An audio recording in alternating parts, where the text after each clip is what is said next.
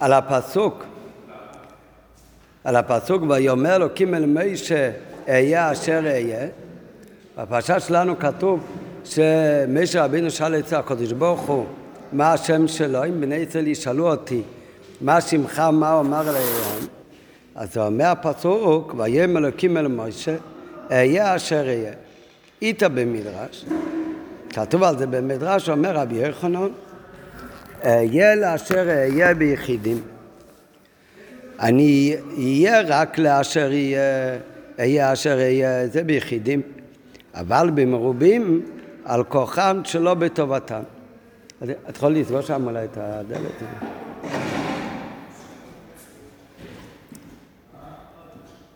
לא יודע.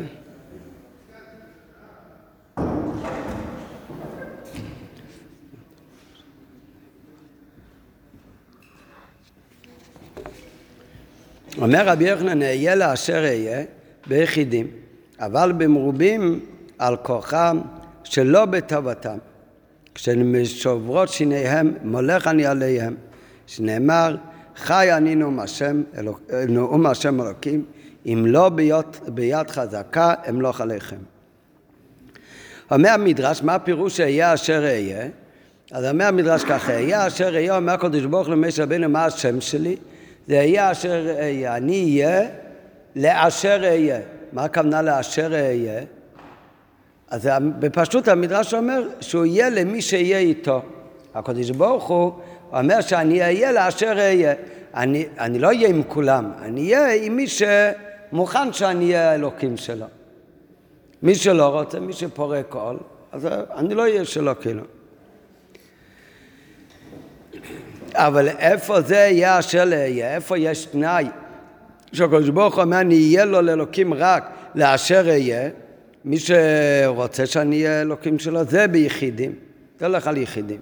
אבל במרובים, על כוחם שלו בטובתם. אבל אם זה מדובר על מרובים, על כלל ישראל ככלל, אז גם אם כולם לא ירצו, אז זה לא עוזר. אז הקדוש ברוך הוא אומר, שבעל כוחם שלו בטובתם אני מולך עליהם. כמו שכתוב, מביא מזה הפסוק, חי אני נאום השם אלוקים, אם לא ביד חזקה אמלוך עליכם. למה צריך יד חזקה? זה פסוק ביחזקאל. למה צריך יד חזקה? שגם אם לא ירצו, אני מולך עליהם בעל כוחם.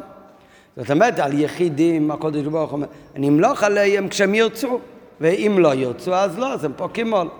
אבל על המרובים, על הציבור כולו, אז זה לא שיכול להיות ככה או ככה. על הציבור כולו, גם אם לא ירצו, אני אמלוך עליהם בעל כוחם. איפה רואים את זה בפסוק אהיה אשר יהיה?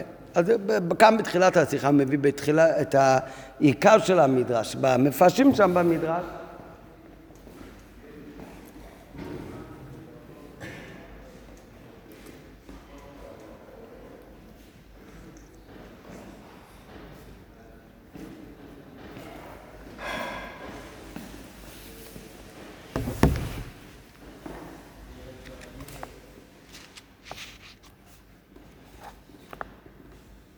אמר לפניו, וככה אני אומר להם, אמר, אומר, אומר המדרש האלה, יש לכני עליכם, אמר רבי יוחנן, אהיה לאשר אהיה, אני אהיה לאשר אהיה, זה ביחידים. אומר המפרשים בתוסף, הוא דורש, אהיה אשר אהיה, כשם שאתה הווה עמי, ככה אני אהיה עמך. אתה איתי, ככה אני אהיה איתך. זה הכוונה אהיה אשר אהיה, אם אתם איתי אז אני גם איתך. אם פושטים את ידם למצוות, אהיה עמם, אז אני אהיה איתם. אם הם לא יהיו איתי, הם לא פושטים ידם במצוות, אז אני לא אהיה איתם. אז זה מדובר רק ביחידים, אבל במרובים על כוחם. מאיפה לומדים את זה? בוא בוא, אור, אור, תמשך. אבל במרובים על כוחם, אז זה, הם, מאיפה לומדים את זה? אז אומר המפרש כאן במדרש, בעצם זה הוא אומר, את זה לומדים מהמשך הפסוק. כתוב אהיה אשר אהיה, אחר כתוב, מה תגיד להם? אהיה שלחני עליכם. וכאן הוא לא אומר אהיה אשר אהיה. כאן פתאום השם הוא רק אהיה. אהיה אשר אהיה הכוונה אני אהיה איתך אם אתה תהיה איתי.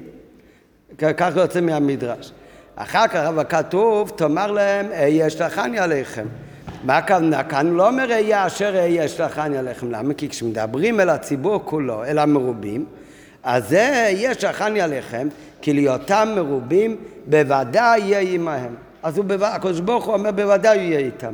אפילו כשיהיו חוטאים, אפילו אם יהיו חוטאים, אפילו יהיו חוטאים, אז הקדוש ברוך הוא בעל כוחם ילך ויקח אותם לעולם. זה מה שאומר המדרש. דרך אגב, הפסקה הזאת במדרש על הפרשה שלנו, זה אותו פסקה שאתם לומדים עכשיו בחסידות, התחילו אתמול ללמוד את הבוסי לגני בתשכ"א, נכון? מה היה שיעור למדו לבד? אז ממש בהתחלה הוא מביא שמה, שמה זה כל השמות של הקודש ברוך הוא? שהקודש ברוך הוא אומר, לפי מה הוא נקרא? לפי מצא אני נקרא. אז על זה הוא מסביר כאן שם, שם אה, ש"ד י', שם עדנאי, שם צבקות, כשאני נלחם, מתי נקרא צבאות? כשאני נלחם ברשעים, אז נקרא בשם צבאות. באותו פסקה, בהמשך זה מה זה שם אהיה אשר אהיה. אז הוא אומר, אהיה מי שיהיה. זה נאמר רק ביחידים, שיש כאילו תנאי, שמי שיהיה איתו, אז הקדוש ברוך הוא אומר, אני אהיה איתו. אבל במרובים, אחר כך כתוב ויהיה שכני עליכם, אומר רבי יוחנן, במרובים, אז גם אם הם לא רוצים, אלא בעל כוחם, אז אני אהיה אלוקים שלהם. מה הכוונה בעל כוחם? כאילו אני אגאל אותם בעל כוחם. זה הולך גם על הגאולה. שאם הם אה, לא רוצים להיגאל, אז הקדוש ברוך לא יגאל אותם, אהיה אשר אהיה. אני אהיה עם מי שרוצה להיות איתי. אבל זה רק ביחידים, אבל במרובים באמת. אם, אם כל העם, אם יהיה ציבור שלא ירצו, אז גם בכל זאת יוציא אותם. למה? כי בעל כוחם אני אמלוך עליכם. במרובים הם לא יכולים ל... הם לברוח מהקודש ברוך הוא. כאילו, זה, זה מה שכתוב כאן במדרש. ופירשו המפרשים את דברי המדרש. לאשר אהיה משמעו, זה שאהיה לאלוקים, מה שקדוש ברוך הוא אומר נהיה להם לאלוקים, אינו בדרך החלט ובכל אופן. זה לא במאה אחוז יהיה ככה. קדוש ברוך הוא בוודאי אלוקים בכל מקרה. הכוונה שהוא יהיה אלוקה של עם ישראל במיוחד, אז זה לא בכל אופן, אלו לאשר יהיה. יש בזה תנאי שהם יהיו עם הקודש ברוך הוא. לאלו שאהיה להם בפועל אלוקים. מה הכוונה לאלה שאני אהיה להם בפועל אלוקים? לאותם אלה שרוצים לקבל. כמו שהמפרש שקראנו מקודם הם פושטים ידם במצוות. בבחירתם ובחפצם, ואם לא ירצו, אבל אם מישהו לא רוצה, אז בידם לפרוק או לא. מה זאת אומרת? אם מישהו לא רוצה, אז הקדוש ברוך הוא נשאר האדון שלו בעל כוחו, הקדוש ברוך הוא נתן בחירה חודשית, מישהו רוצה לפרוק עול, אז הוא לא מקבל על עצמו כביכול את הקדוש ברוך הוא לאלוקים. ואם לא ירצו, אז בידם לפרוק עול. את העניין הזה שיהיה אשר יהיה. שהקדוש ברוך הוא אומר שאני אהיה רק עם מי שרוצה, אבל אם מי שלא רוצה בידו לפרוק עול, אז התנאי הזה זה רק נאמר ביחידים, אומר רבי יוחנן. אבל הרבים לא עניכם לפרוק עול. אבל הרבים, הקדוש ברוך הוא אומר, אני אדאג שלא יהיה כזה מצב שהרבים, שהציבור כולו יפרוק עול ולא יקבלו את עול מלכות שמיים. שאפילו יחשבו לאסור ממני, כי גם אם הם ירצו לאסור מהקודש ברוך הוא, אז על כוחם אמלוך עליהם. אני אמלוך עליהם בעל כוחם, גם יכול חס וחלילה להביא איסורים עליהם עד שהוא מולך עליהם בעל כוחם. ולכן, אם בני ישראל שהיו במצרים, ולכן עם בני ישראל שהיו במצרים, העם בני ישראל שהיו במצרים, הם היו צדיקים או שהם היו פחות צדיקים? היו הם אה, גם כן רשעים. אז לכן, אם היות שהיו ביניהם כמה וכמה רשעים, על אף שהיו ביניהם הרבה רשעים, אף על פי כן, מכיוון שהם מרובים, מכיוון שהם היו מרובים, זה לא היו יחידים שהיו רשעים, אלא זה היה מרובים, זה היה ציבור גדול, ולכן הקדוש ברוך הוא גאל אותם. לכן הקדוש ברוך הוא גאל אותם. מה זאת אומרת? אפילו אם לא היה להם זכות, ולכן לכאורה לא מתאים להגיד אהיה אשר אהיה, לא היה להם זכויות. אתה ערום ועריה, כמו שכתוב שלא היה להם מספיק זכויות בכלל להיות ראויים לצאת ממצרים. ובכל זאת, מכיוון שזה לא היה יחיד, אם זה היה יחיד, אז הוא לא היה ניגל, אז אין היה אשר אהיה. אבל מכיוון שזה היה במרובים, זה היה הציבור, כל עם ישראל, אז הקדוש ברוך הוא גל אותם בכל זאת, אפילו שלא היו רואים. והמובן בזה הוא, המדרש מביא על זה פסוק. מה, מה ההוכחה מפסוק? שבמרובים אז אין את התנאי של אהיה אשר אהיה, אלא גם בעל כוחם אמלוך עליהם. מאיזה פסוק הוא מביא את זה במדרש? הוא מביא את זה מהפסוק חי ענינו מהשם אלוקים, אם לא ביד חזקה ובזרוע נטויה ובחימה שפוכה אמלוך עליכם. זה הפסוק. איפה כתוב הפסוק הזה? זה פסוק שמובא ב...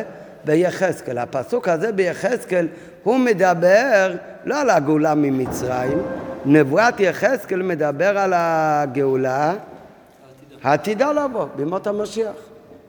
ובכל זאת, ושם, על זה הולך הפסוק, שבין אם ירצו לקבל, בין אם לא ירצו לקבל, בכל אופן, אומר הקדוש ברוך אני אמלוך עליהם בעל כוחם גם כן. ביד חזקה הוא יוציא אותם מהגלות. אז זה הולך על מתי? זה הולך על הגאולה העתידה. והמובן בזה, דעה שכתוב ביד חזקה אמלוך עליכם. זה מתייחס על אופן, על אופן הגאולה, שמימי יחזקאל והלאה כולל גם את הגאולה העתידה לבוא בימות המשיח.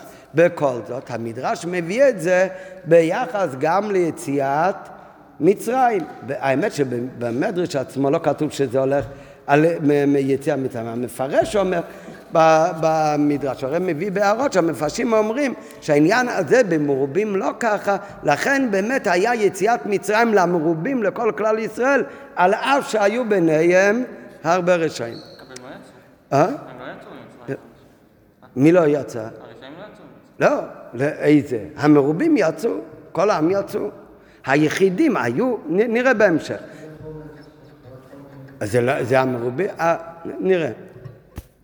לא, המרובים והיחידים, לא יודע אם זה הולך בכמות. כוונה, אם לא יכול להיות מצב שכולם לא יוצאו, אז זה בעל כוחם. אחר כך יש עניין של אה, ביחידים, אז באמת יכול להיות שלא מקבלים מעול מלכות שמע, הקדוש ברוך גם לא מולך עליהם. לא מולך עליהם, אז יכול להיות בהרבה אופנים, כמו שנראה, יכול גם uh, שימותו.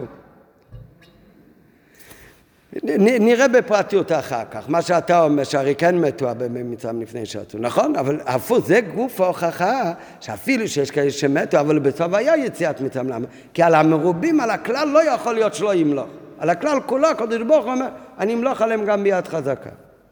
ואמרו מזהו, דאב שהכתוב ביד חזקה אמלוך עליכם. זה הולך על אופן הגאולה שמימי חזקאל והלאה, וזה כולל גם את הגאולה העתידה, בכל זאת מרומזת בו גם הגאולה של יציאת מצרים. כי גם גאולה זו הייתה בזה האופן. הפסוק הרי מדבר על מי ימות יחזקאל והלאה, על הגאולה העתידה, וגם הגאולות שהיו עד אז, אבל זה הכל מאז והלאה, אומר הקדוש ברוך הוא ביד חז... שהוא יוציא אותם גם בעל כוחם. ביציאת מצרים, זה היה לפני זה, הייתי יכול לחשוב שזה לא ככה, אבל המדרש מביא את הפסוק הזה ומחברים את זה במפרשים גם לגאולה של מצרים. האמת שיש בזה גם קצת מקור, שגם ביציאת מצרים גם כתוב ביד, ביד חזקה. רק בפשטות כשלומדים אה, מה זה ביד חזקה שכתוב ביציאת מצרים, זה ביד חזקה בעל כוחם של מי? של המצרים, של פארי. אבל מה אומר רש"י ביד חזקה? רש"י באמת אומר גם בפסוק, ביד חזקה ביציאת מצרים גם, גם אם בני ישראל לא ירצו. שזה מתאים ממה שהמדרש מביא על יצ... בקשר ליציאת מצרים גם את הפסוק של יחזקאל. שהעניין שלא ירצו לצאת לשייך ביחידים, אבל במרובים בעל כוחם יוציא אותם. כי גם גאולה זו הייתה בזה האופן. שהקדוש ברוך הוא הוציא ממצרים ביד חזקה, שהכוונה גם בעל כוחם. על זה הוא מביא בהערה למטה, בהערה תשע, שהמדרש אומר שיכול להיות שיהיה גאולה בעל כוחם, שבעל כוחם הוא מולך עליהם, על הגאולה העתידה. אבל להעיר מפירוש רש"י, מסוף פרשותינו, שביד חזקה יגשם יעצור, שכתוב בפרשה שלנו על יציאה ממצרים, אומר רש"י, מה זה ביד חזקה? לא רק ביד חזקה נגד פרעה והמצרים, אלא על כוחם של ישראל יגרשם. שגם כשבני ישראל לא יצאו, הוא יגרש אותם בעל כוח. בפשוט ברש"י הכוונה, בני ישראל עוד לא ירצו לצאת.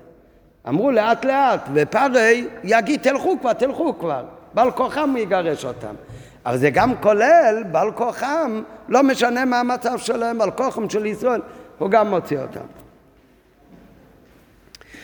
אולם זה שהקדוש ברוך הוא השתמש כביכול ביד חזקה, זה שהקדוש ברוך הוא הוציא את בני ישראל ממצרים גם ביד חזקה, גם אם הם לא רצו או לא היו ראויים לכך, אז זה היה רק להכריח את המרובים. זה רק להכריח את המרובים, את עם ישראל כ, ככלל וכעם. אבל לא בנוגע ליחידים. אבל יחידים בודדים יכול להיות באמת שיהיו כאלה שבאמת לא יצאו. שלא ירצו לקבל את המלכות של הקודש ברוך הוא, ולכן באמת הם גם לא יגאלו ולא יהיו בתוכם.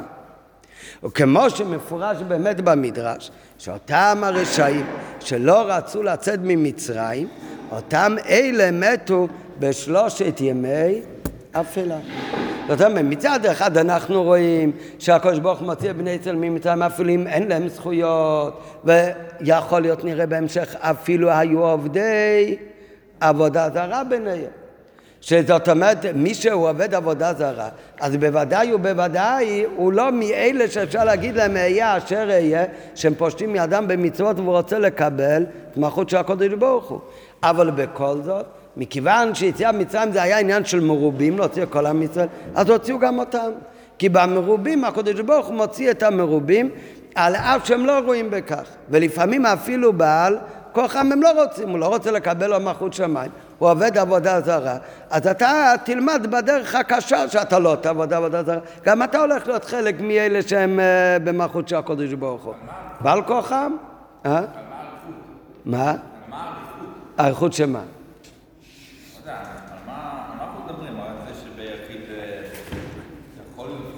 כן, יחיד הוא יכול לפרוק כל מלכות שמיים. כן. כן, לא, ברבים הם גם יכולים לבחור, זה נראה בהמשך. ברבים גם יכול להיות מצב שהם לא, לא יהיו ראויים לצאת. כן, כן, רק זה מאוד בקיצור, ולכן זה הרי גם לפי מה שקראנו עד עכשיו, כל אחד מתעורר בשאלה, שזה אחת מהשאלות עיקריות בהמשך גם כן, שעל איזה דברים אני מסתכל עליהם כיחידים ואני אומר שהיחידים באמת לא רוצה, לא צריך ולא יצא ממצרים. ועל איזה דברים אני אומר שבגלל שהם מרובים לכן הם יצאו ממצרים גם אם לא בא להם. כן, הרי על חלק אומרים שבאמת כן נשארו במצרים. על זה כתוב, מי, מי אלה שנשארו במצרים? אותם אלה שלא רצו לצאת. ומתי הם מתו?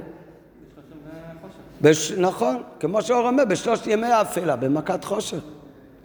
אז למה באמת? כי לא רוצה, בסדר, אתה לא תבוא גם כן.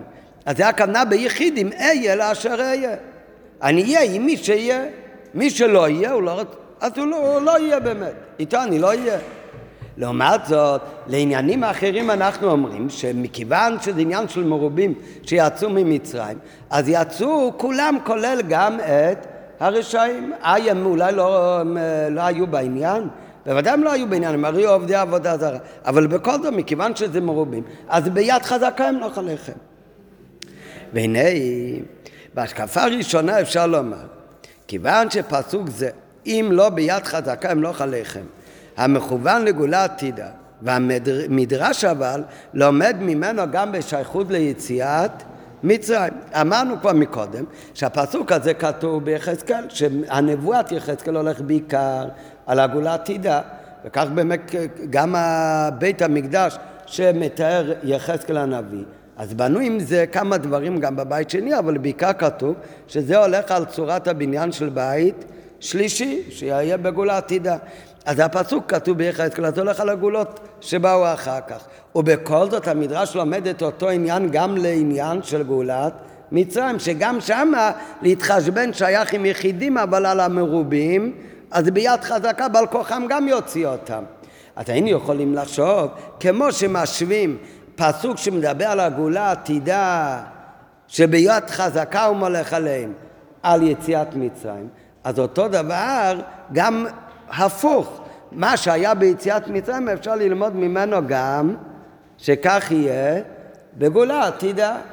מה לומדים שהיה במצרים? זה שבמרובים לא שייך שיישארו אלא במרובים כולם בוודאי יקבלו על מלכות שמיים בסוף. את זה מאיפה לומדים מהפסוק? ביחזקאל, מגולה עתידה. מה לומדים מהפסוק שכתוב ביציאת מצרים, יהיה אשר אהיה? הפוך, שאני אהיה רק למי שאהיה איתו, רק מי שמקבל על מלכות שמיים. את זה כתוב איפה? ביציאת מצרים הרי. ועל זה, זה נאמר על מי? זה נאמר לא על מרובים אלא על יחידים. אז בפשטות היינו יכולים לחשוב, כמו שהמדרש משתמש בפסוק שהוא הולך על המרובים שבעל כוחם אמלוך עליכם, שהולך לעתיד לבוא, אז זה לומד המדרש גם לעניין יציאת מצרים, שאת הכלל הקודש ברוך הוציא מארץ מצרים, גם אם הם לא ראויים לכך. אז אותו לא- דבר לומדים גם את החלק השני בצורה הפוכה.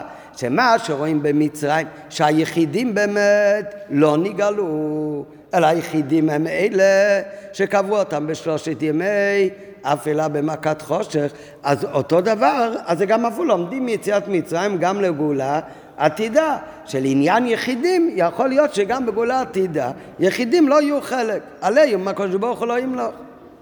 אז בהשקפה הראשונה היה אפשר לומר שמכיוון שהפסוק אם לא ביד חזקה לא עליכם, מכוון לגאולה עתידה, והמדרש לומד ממנו בשייכות ליציאה במצרים, אז גם לאידך הפוך יש ללמוד בעניין הכתוב מגאולת מצרים על גאולה עתידה.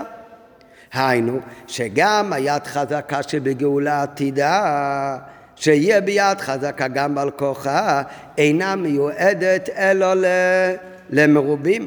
זאת אומרת שהבטחתה של התורה ושבת עד השם אלוקיך ואז ושב השם אלוקיך וגמר שהסוף יהיה שבני ישראל יעשו תשובה בסוף גלותנו מיד נגאלין אז גם ההבטחה הזאת שהקדוש ברוך הוא מבטיח שלא משנה מה יהיה, בסופו של דבר ביד חזקה הקדוש ברוך הוא ידאג שבסוף גלותן מישראל יעשו תשובה. ואחרי שיעשו תשובה מיד הם יגאלו. גם זה נאמר רק למרובים, לכלל ישראל. אבל זה לאו דווקא שזה הולך על כל יחיד, ויחיד עדיין יכול להיות יחיד שהוא לא יעשה תשובה, ואצלו גם לא יהיה מיד נגאלו, והוא באמת לא יגאל. כי אם זה לא היה ככה לא היה בחירה חופשית. אה? מה, לעתיד? זה לא יודע. בינתיים לא... לא ניכנס לבחירה. לא, בינתיים, כי זה, הרי המדרש בפשוט משווה בין יציאת מצרים לגאולה עתידה. אז כמו בגול, לומדים מגאולה עתידה, שבסוף כולם יגאלו, אבל זה רק כמרובים ככלל. כך היה גם במצרים, אז אותו דבר הפוך, שבעניין יחידים זה רק אהיה לאשר אהיה. אז גם לעתיד לבוא, ליחידים זה יהיה אשר אהיה. היי, בסוף גלותה הבטיחה התורה שבני ישראל יעשו תשובה ומיד נגאלים, זה הולך על עם ישראל. אבל לאו דווקא על כל יחיד ויחיד, היחיד יכול עדיין להיות שונה. אבל באמת, אי אפשר לפרש כן. אומר הרב, בפר... אי אפשר לפרש ככה. למה אי אפשר לפרש ככה? בסוף נראה גם מהפתגם שכולנו יודעים מליל הסדר, אבל קודם ב... מבפנים מה... מהרש"י, אבל באמת אי אפשר לפרש כך. כי מפורש ברש"י על הפסוק שכתוב בפרשת ניצבים, ושב השם אלוקיך את שבותך, אז כתוב ברש"י, הכוונה, הכוונה לכל אחד ואחד בפרט. זה לא הולך על הכלל, על הציבור כעם ישראל. ולמה באמת? בלשון רש"י, בפסוק כתוב לשון יחיד, ושב השם אלוקיך, לא ושב השם אלוקיכם, הוא מחזיר אתכם כעם, אלא יעשו תשובה, ושב השם אלוקיך בלשון יחיד כל אחד ואחד מכם. וזה מודגש עוד יותר בלשון של רש"י, שרש"י אומר בגאולה עתידה, שהקדוש ברוך הוא אוחז בידיו ממש, איש איש תלוקטו לאחד אחד. כן? מה זה, מה זה כאן ההדגשה? קודש ברוך הוא יבוא בכבודו בעצמו להוציא את בני ישראל מהגלות. מה כאן ההדגשה? שהקודש ברוך הוא אוחז בידיו ממש איש איש שלוקטו לאחד לאחד בני ישראל. הכוונה, הגאולה תדע, זה לא יהיה רק שעם ישראל כעם וכמרובים יזכו לגאולה, אלא הכוונה כל אחד כ, כפרט. למה נפקא מינה? אם זה הולך כעם, אז יכול להיות אחד מהפרטים שהוא יהיה יוצא מן הכלל. כמו שהיה ביציאת מצרים, שהכלל יצא ממצרים, אבל עדיין היו יחידים, אבל ביחידים זה היה אשר היה, זה יכול להיות גם אחרת. אז לעומת זאת, לעתיד לבוא, ושב השם אלוקיך את שבותך לשון יחיד. אומר רש"י, אתם תלוקטו, מביאים מפסוק אתם תלוקטו, אחד אחד הקדוש ברוך כביכול יאחוז בידו של כל אחד ואחד מישראל ויוציא אותו מגלות. אז אם כך, הרי הבטחת הגאולה והאופן שלה לעתיד לבוא, ושב השם, זה בא בהמשך, ומה הסיבה? מתי יהיה ושב השם אלוקיך? אחרי מה צריך להיות קודם? לעשות תשובה, זה תחילת הפסוק, ושבת עד השם אלוקיך. אז מה הסימן של עתיד לבוא? זה לא רק המרובים, אלא כל יחיד בסופו של דבר, ושבת עד השם אלוקיך. בסוף, מאה אחוז, כל אחד יעשה תשובה. ושב השם בא בהמשך, וכמסובב מהסיבה של הגאולה, מהי הסיבה שתביא את הגאולה? שיעשו תשובה, ושבת עד השם אלוקיך, שסוף ישראל לעשות תשובה בסוף גלותן. היינו שגם בזה, גם עניין הזה, הוא בכל אחד ואחד בפרט. כך גם האדמו"ר הזקן מביא בהלכות תלמוד תורה הוא מביא למטה, וזה גם כן מביא את זה בתניא, אנחנו יודעים את זה יותר מתניא לפעמים, שהאדמו"ר הזקן מביא שלא יידח ממנו נידח. אף אחד לא יתנתק לגמרי מהקודש ברוך הוא. אלא בסופו של דבר, כמה שיהודי יש לו בחירה ויכול להתגלת שהוא הכל, סופו של דבר, כל אחד יעשה תשובה. ומי ש... או בגלגול זה או בגלגול אחר. אבל בסופו של דבר, אומר אדמת כן, כל אחד ואחד מישראל, לא עם ישראל ככלל, אלא כל אחד ואחד, בוודאי סופו לעשות תשובה, כי לא יידח ממנו נידח. רצינו בהיסטוריה, כמו אותו האיש וזה שהם לא עשו תשובה והם נוספים בגיהנום. טוב. שאלה. ועל פי זה נכללו בזה גם כל הרשעים. אז מזה מובן שלעתיד לבוא בגאולה, זה לא יהיה כמו ביציאת מצרים, שליחידים היה להיה אשר יהיה, ורק למרובים ביד חזקה. אלא לעתיד לבוא ביד חזקה הם לא חליהם, הם לא חליהם אחרי שעשו תשובה, אבל זה בטוח. כל אחד, גם הרשע הכי גדול, בסופו של דבר, איכשהו הוא יהיה חלק מהעניין של הגאולה העתידה. ועל פי זה נכללו בזה גם כל הרשעים, אף אלה שלא ירצו לצאת מהגלות. למה הוא אומר דווקא את הדוגמה, אף אלה שלא ירצו לצאת מהגלות? כי זה הרי היו היחידים שביציאת מצרים באמת לא נגאלו. מי, מי הם אלה שבשלושת ימי האפלה מתו? זה אלה שלא רצו לצאת. עובדי העבודה זרה היו כאלה שכן יצאו. כתוב הרי אחד הוציא איתו אפילו את פסל מיכה, פסל הוציא איתו, עובדי עבודה זרה. אבל מי הם היחידים שלא יצאו? אלה שלא... אם אומרים לעתיד לבוא זה לא ככה. לעתיד לבוא הרי אתם תלוקטו אחד, אחד מבני ישראל, לא יישאר אחד בגלות. וכמו שאלתר רבי אומר לו, יידח ממנו נידח, בסוף גלותן כל אחד ואחד איך שיעשה תשובה. זאת אומרת, גם מי שהכי גרוע שהוא לא רוצה להיגאל, גם הוא, הקדוש ברוך הוא, יסבב שיעשה תשובה ובסוף יגאל. אפילו אותם אלה שלא רוצים להיגאל, גם הם יהיו חלק מהגאולה. שגם אותם יעורר הקדוש ברוך הוא, אפילו שהם מצד עצמם לא רוצים, הקדוש ברוך הוא יעורר אותם ויגאל אותם מהגלות. וככה מוצאינו גם מפורש בפסוק, כתוב בפסוק, לעתיד לבוא, והיה ביום ההוא ייתקע בשופר גדול. ומי יבוא מהשופר הגדול? ובאו העובדים בארץ אשור והנידחים בארץ מצרים. הכוונה אפילו אותם יהודים שהם כבר הלכו לאיבוד בארץ אשור. ואותם יהודים שנדחו לגמרי מכל מקום של קדושה בארץ מצרים.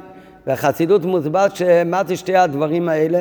שיש כאלה שהם הלכו לאיבוד בארץ אשור, אשור מלשון עושר, בתענוגי עולם הזה הם איבדו כל שייכות לקדושה, והנשמה כבר לא מאירה את זה, וזה מרוב גשמיות וטוב עולם הזה שהוא שקוע בזה, ויש כאלה שהם נידחים בארץ, מצרים הם התרחקו בגלל הצרות והסבל של הגלות, או לכאן או לכאן. אז יש גלות שהיא תוצאה מעודף טובה בגשמיות, ויש גלות שהבן אדם הוא נדחה מעבודת השם מרוב צר וסבל. אז זה מרומז מארץ אשור, אשור מלשון עושר, וארץ מצרים, מצרים מלשון מיצר, צר לבן אדם.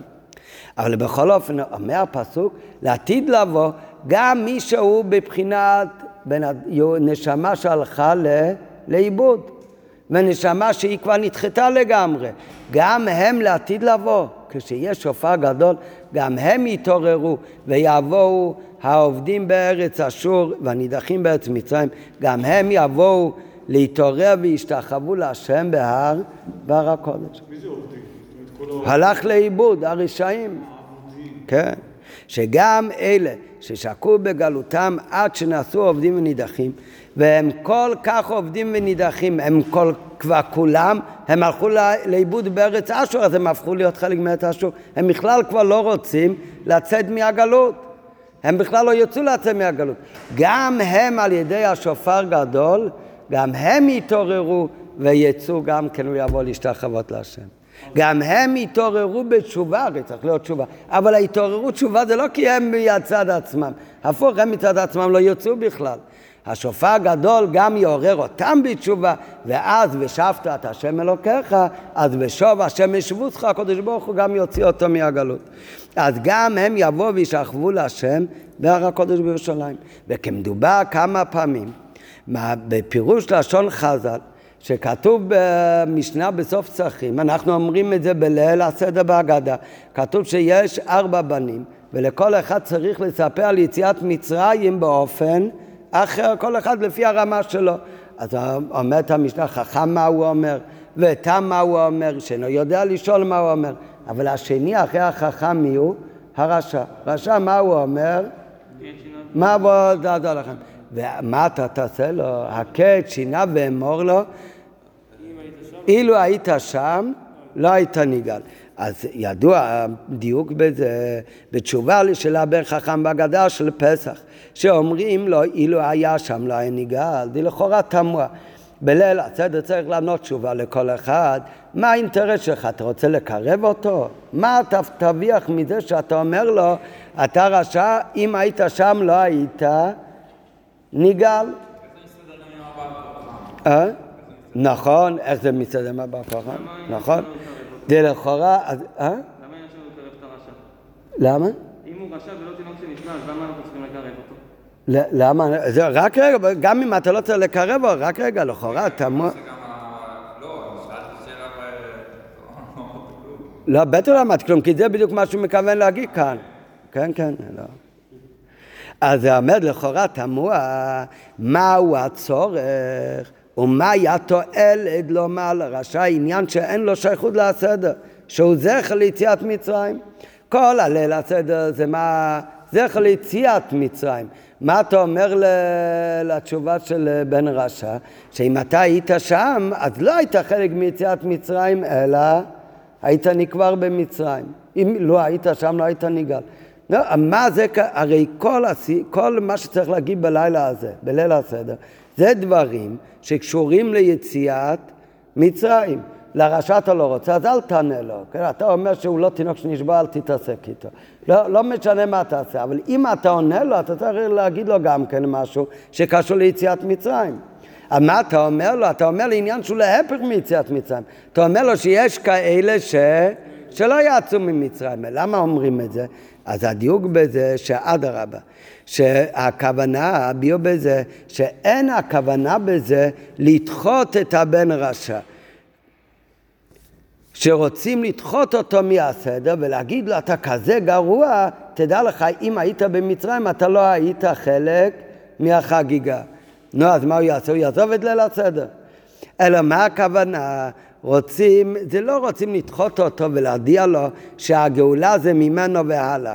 כי אם אדרבה, מה מתכוונים להגיד לו? שאילו היה שם, אם היית שם במצרים, אז באמת לא היה נגאל. אבל איפה אתה? אתה לא בגלות מצרים. אתה עכשיו בגלות איתנו, לפני הגאולה עתידה. בגאולה עתידה גם אתה גם תיגאל. וזה הדיוק שאומרים לו, אומרים לו, אילו היה שם, אם היה שם ביציאה ראשונה מהגלות, אז באמת לא היה נגאל. אבל עכשיו שזה כבר לא שם, אלא הוא יהודי אחרי מתן תורה, אז בגאולה תדע, כל אחד ואחד, גם הרשע, גם הוא, גם הוא יהיה חלק מהגאולה. אז אדרבה, בזה אנחנו מחברים אותו לעניין של הגאולה באמת. כי אם אדרבה, בתשובה אליו מדגישים שרק שם במצרים לא היה נגאל. למה באמת במצרים לא היה נגאל? כי במצרים באמת אמרנו שביד חזקה כל אחד יגאל זה רק לעניין של מרובים, אבל יכול להיות יחידים רשעים ש... שבאמת לא, לא יגאלו והם באמת נשארו שם. אבל בגאולה עתידה, לעומת זאת לעתיד לבוא, מכיוון שהיא לאחר מתן תורה. למה זה קשור נראה בהמשך? מכיוון שהגאולה עתידה זה כבר אחרי מתן תורה, אז כבר אין הבדלים. גם הוא, גם הרשע עתיד להיגאל, ובמילא נתעורר לפעולה הנפלאה במתן תורה, ואז מיד מתעורר אותו אחד שאומרים לו את זה במה שנפעל במתן תורה, שמאז אמר הקדוש ברוך הוא איך התחיל מתן תורה, אנוכי השם אלוקיך, לא אני השם אלוקיכם כעם ישראל כמרובים רק, אלא אני השם אלוקיך לשון יחיד, ששם הוויה נמשך להיות, אנוכי הוויה שם הוויה שלמעלה מעולמות, אלוקיך נמשך להיות כוחך וחיותו של כל אחד ואחד מבני ישראל בפרט. ולכן, אחרי מתן תורה, שהקדוש ברוך הוא חיבר את עצמו, את הוויה לעשות אותו אלוקיך, להיות, לעשות אותו אלוקים שלך אישית, של כל יהודי, אז עכשיו לכל יהודי כפרט יש כבר כזה קשר עם הקדוש ברוך הוא, שגם רשע כמותו שאומרים לו היה במצרים הוא לא היה נגאל. עכשיו הוא כבר התחבר גם כן עם הקדוש ברוך הוא בצורה כזאת שמובטח לו שעל ידי כוחו זה שהוא מחובר לקדוש ברוך הוא ממתן תורה בעונך הבא ילקחו כיחיד אז סופו גם הוא להיגאל. ולכן באמת בגאולה עתידה, אז זה לא כמו ביציאת מצרים. זה נכון שאנחנו לומדים מהפסוק ביחזקאל מגאולה עתידה על יציאת מצרים. שגם ביציאת מצרים רק יחידים לא יצאו, אבל במרובים גם בעל כוחם יצאו ממצרים. לעומת זאת, הפוך לא לומדים. הפוך לא לומדים שיחידים כמו שנשארו במצרים, אז גם לעתיד לבוא יחידים יכולים להישאר תקועים ולא יזכו לגאולה. כי באמת, הצד השני לא לומדים מיציאת מצרים לגאולה עתידה, אלא בגאולה עתידה זה באמת שונה. בגאולה עתידה לא רק המרובים, אלא גם היחידים, כל אחד ואחד, קדוש ברוך הוא לוקח אותו ביד, אפילו את הרשע גמור, ויביא אותו להתעוררות תשובה, ואז גם הוא יזכה לגאולה. למה זה באמת ככה? למה באמת זה הבדל? מה, למה אחרי מתן תורה בגאולה תדע, אז ביד חזקה אמלוך עליכם היד חזקה הם לא ללכת זה אחרי שיעשו תשובה, אבל זה גופה, זה גם לא כי הם לא רצו לעשות תשובה, הפוך, הם יכול להיות לעתיד לבוא יהיו כאלה שמצד עצמם לא מעוניינים לעשות תשובה, הם הלכו כבר לאיבוד בארץ אשור ובארץ מצרים. אבל השופר הגדול יעורר גם אותם בתשובה, ולכן גם הם יגאלו. גם הרשע הכי גמור, גם כן לעתיד לבוא, כולם לאידך ממנו נידך, יהיה לו התעוררות בסוף. שתבוא מלמעלה גם כן אצלה, ועל ידי זה הם יגאלו בסוף. כל אחד בלי יוצא מן הכלל. לעומת זאת במצרים היה הבדל. אם זה היה מדובר על עניין של יחידים, אז יכול להיות יחידים שלא רצו, אז הם באמת נשארו במצרים. לעומת זאת המרובים הם יצאו. אמנם צריך להבין, הטעם שהקדוש ברוך הוא גאה לבני ישראל ממצרים. למה באמת ביציאת מצרים כן היה הבדל שחלק מעם ישראל, או המרובים, הם יצאו. והם יצאו גם אם הם היו רשעים חס וחלילה. כי במרובים הקדוש ברוך הוא אומר, גם אם הם לא ראויים לכך, אז בעל כוחם אני אמלוך עליהם. וביחידים בכל זאת היו כאלה שנשארו תקועים שם. למה באמת? לכאורה, למה הקדוש ברוך הוא גל לבני ישראל ממצרים? הרי אמרנו כבר מקודם שגם המרובים היה להם הרבה זכויות לצאת ממצרים. ביציאה מצרים, אה? לא היה להם הרבה זכויות. אדרבה, כתוב, ואתה ארום ואריה, כתוב שבני ישראל היו בקדוש ברוך הוא הגיע הזמן לגאול את עם ישראל. הוא הגיע, הוא ראה אותם שהם ערומים. מה הכוונה ערומים? אין להם זכויות בשביל לגאל. קדוש ברוך היה צריך מהר להביא להם את המצווה של ברית מילה וקורבן פסח, שיהיה להם איזה זכות להיאחז כדי להיגאל. זאת אומרת, צדיקים גדולים הם לא היו. אבל מה, מכיוון שהיו מרובים, קדוש ברוך הוא בכל זאת בעל כוחם מוצא אותם. למה באמת? אז מה גרם למה? זה שבני ישראל התנהגו יפה, לכן הקדוש ברוך הוא גואל אותם, או הקדוש ברוך הוא אהב את עם ישראל, ולכן הוא גואל אותם על אף שהם לא ראויים לכך. מכיוון שהקדוש ברוך הוא אוהב, רק כדי שזה יהיה גם שייך לעם ישראל, אז הוא נותן להם גם זכויות לזכות לזה. אז איך היה בפועל? הגאולה ממצרים היה באופן שזה היה תוצאה מאהבה של הקדוש ברוך הוא לבני ישראל. למה באמת? כמו שכתוב שהקדוש ברוך הוא אמר לפני יציאת מצרים, בני בכורי ישראל.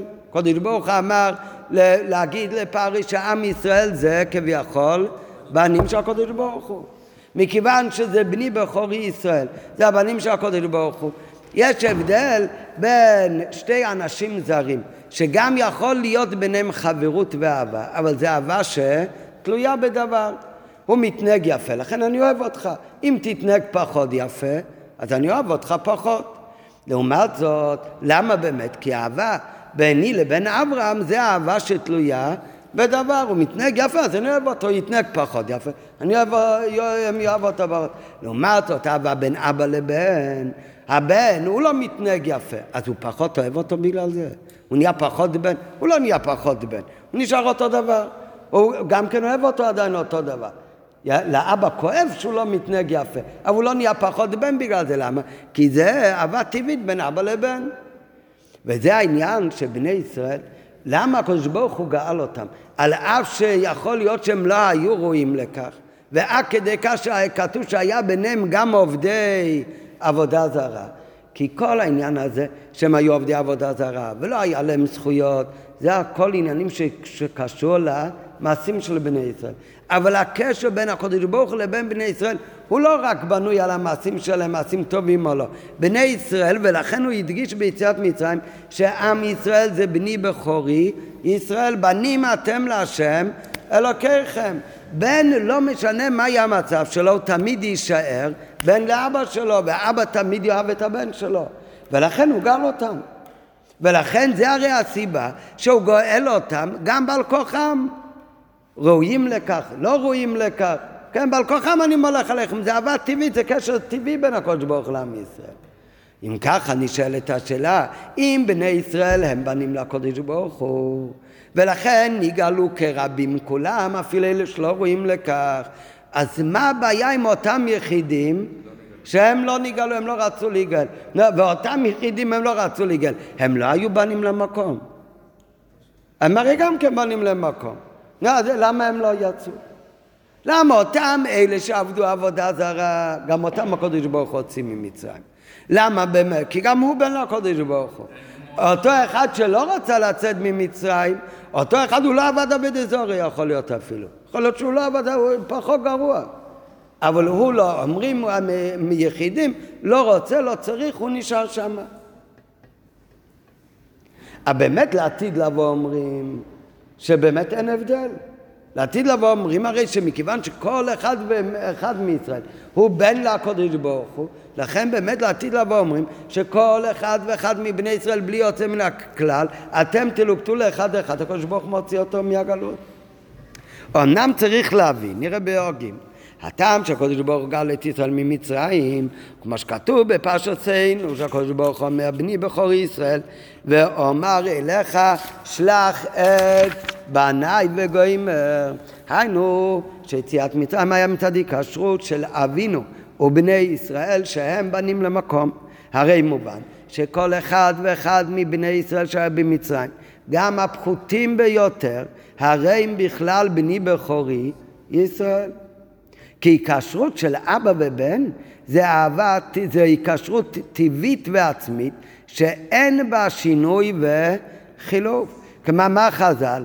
בין כך ובין כך אתם קרואים בנים. בין אם אתה מתנהג יפה, בין אם אתה מתנהג לא יפה, תמיד אתה בן של הקודש ברוך הוא. ולכן, כתוצאה מזה, להחליפם באומה אחרת איני יכול. כן, אור לא מתנהג יפה, אני מחליף אותו, מביא תלמיד אחר, מביא את אברהם במקומו. אבל את הבן, לא, אתה לא יכול להחליף אותו. הבן הוא נשאר הבן, ומי שלא בן הוא לא יהפוך להיות בן. למה באמת זה ככה? כי אם הקשר הוא קשר שתלוי במעשים, אז הוא נוצר במעשים, הוא גם יכול להתבטל במעשים. ויכול להיווצר עם מישהו אחר על ידי אותו מעשה. אבל קשר שהוא טבעי ועצמי, אז הוא לא נוצר ממעשים, אז הוא גם לא נחלש על ידי מעשים לא טובים. לפני שנמשיך בשיחה שפעם מישהו חשב, אמר אם ככה, נו אז בשביל מה חשוב אני אניח תפילין, לא אניח תפילין, למה נפקא מין? הרי באמת אני בן לקודש ברוך מה זה משנה? אבל האמת זה, זה לא נכון, זה בדיוק הפוך. הבן, אם הוא באמת מרגיש שהוא בן של, הקודש, של אבא שלו, אז הוא פחות מקשיב לאבא שלו, כי אני בכל מקרה בן שלך. אם הוא מרגיש שהוא הבן, הרי לא רק שהוא מקשיב למה שאבא אומר לו לעשות, אלא הוא עושה הרבה מעבר למה שאבא ביקש ממנו. זה שהוא לא מקשיב לאבא כי הוא לא מרגיש בכלל שהוא בן. רק מה, עדיין הוא נשאר באמת בן. והרבה פעמים במבצע, אתה אומר במבצע מישהו עובר, אתה אומר לו, אתה רוצה להניח תפילין? הוא אומר לו, לא, אני יהודי בלב. הוא צודק או לא צודק? הוא צודק. זה בדיוק, בוא נמדתם להשם אלוהיכם. הוא בלב יהודי, הוא מחובר לקודש ברוך גם לא מניח תפילין. אבל הוא אומר שהוא יהודי בלב. אם הוא היה מרגיש שהוא יהודי בלב, אם הוא היה מרגיש ומאמין שהוא בן לקודש ברוך הוא, הוא הרי לא רק היה מניח, אלא היה מניח תפילין וגם מתפלל באריכות. למה? כי אם הוא באמת בן, הוא יעשה לא רק מה שחייבים אלו גם, לפנים משורת הדין. אז אותו אחד שהוא לא מקשיב, בוודאי שעכשיו לא מאיר אצלו את האהבה הגלויה בינו לבין אבא שלו, בינו לבין הקדוש ברוך הוא. רק מה מצד שני, באמת, אחרי שהוא כבר חטא ופגם, אז באמת את החיבוי עם הקדוש ברוך הוא שנפעל על ידי המעשים, זה באמת הופסק. אבל את הבנים אתם להשם אלוקיכם. זה שהנשמה נמשכת מאלוקות כמו בן שנמשך מאבא שלו, כמו שכתוב בפרק ב' בתניא שנשמות ישראל עלו במחשבה ולכן בני ישראל נקראים בנים למקום, אז זה בין אם הוא מתנהג כראוי בין אם לא, זה תמיד נשאר. ולכן באמת, הרי מובן שבגאולה העתידה כולם יגאלו, אבל אם ככה, למה באמת במצרים, אז לא כולם. וכיוון שכן, מדוע לא נגאלו כל בני ישראל ביציאת מצרים? הרי ההסבר הזה שכל אחד הוא בן, אז זה באמת הסבר מצוין. למה יכול להיות אפילו כאלה שהם היו חוטאים, הם גם יצאו ממצרים. אבל השאלה זה הפוך אם ככה. למה אם ככה זה נאמר רק לעניין המרובים? ולמה באמת ביחידים היו כאלה, מי הם היו הסוג היחידים שלא יצאו? אותם אלה של, שלא רצו, נו, ומי שלא רוצה לצאת ממצרים, אז הוא לא בן, אה, אז הוא עדיין בן, אז גם אותו צריך להוציא. שאלה שנייה, וזה שמישהו שקע ממש בהתחלה, שהרי בגלות מצרים היו כמה סוגים של רשעים. היה סוג של רשעים, אפילו עובדי עבודה, עבודה זרה. עד כדי כך שעד שגם ביציאתם ממצרים, אותם אלה, לא רק שהם היו עובדי עבודה זרה ביציאת מצרים, הם מיד השליכו את עבודה זרה והצטרפו, אלא היו כאלה רשעים, שגם כשהיה כבר יציאת מצרים, הם הצטרפו, אבל לא זרקו את הפסל, ולקחו ליתר ביטחון גם את הפסל איתם. אז גם הם ביציאתם ממצרים, עדיין פסל מיכו עובר עמהם. ובכל זאת, גם אותם אלה זכו לגאולת מצרים. ולמה לא נגאלו אלה שלא רצו לצאת ממצרים? אה? מה? כן. מה זה? לא, לא, למה?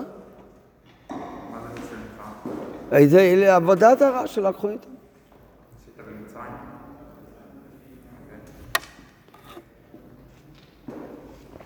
בפשוט, מה נראה לך יותר גרוע? בן אדם שהיה לו טוב במצרים, כבר אה, בנה קשרי ידידות עם השכנים שלו, ואמר יאללה אם כבר אז בוא נישאר כאן, שזה לא טוב כי הקדוש ברוך הוא אמר כולם יצאו ממצרים, בסדר, אבל, אבל והוא הולך ומתפלל גם שלוש תפילות ביום. הבעיה שלו זה רק שהוא רוצה להישאר במצרים. לעומת זאת יש אחד שהוא עובד עבודה זרה. נו מה נראה לך יותר גרוע? עבודה זרה. ובכל זאת אומרים שאותו אחד שעבד עבודה זרה, הוא כן יצא.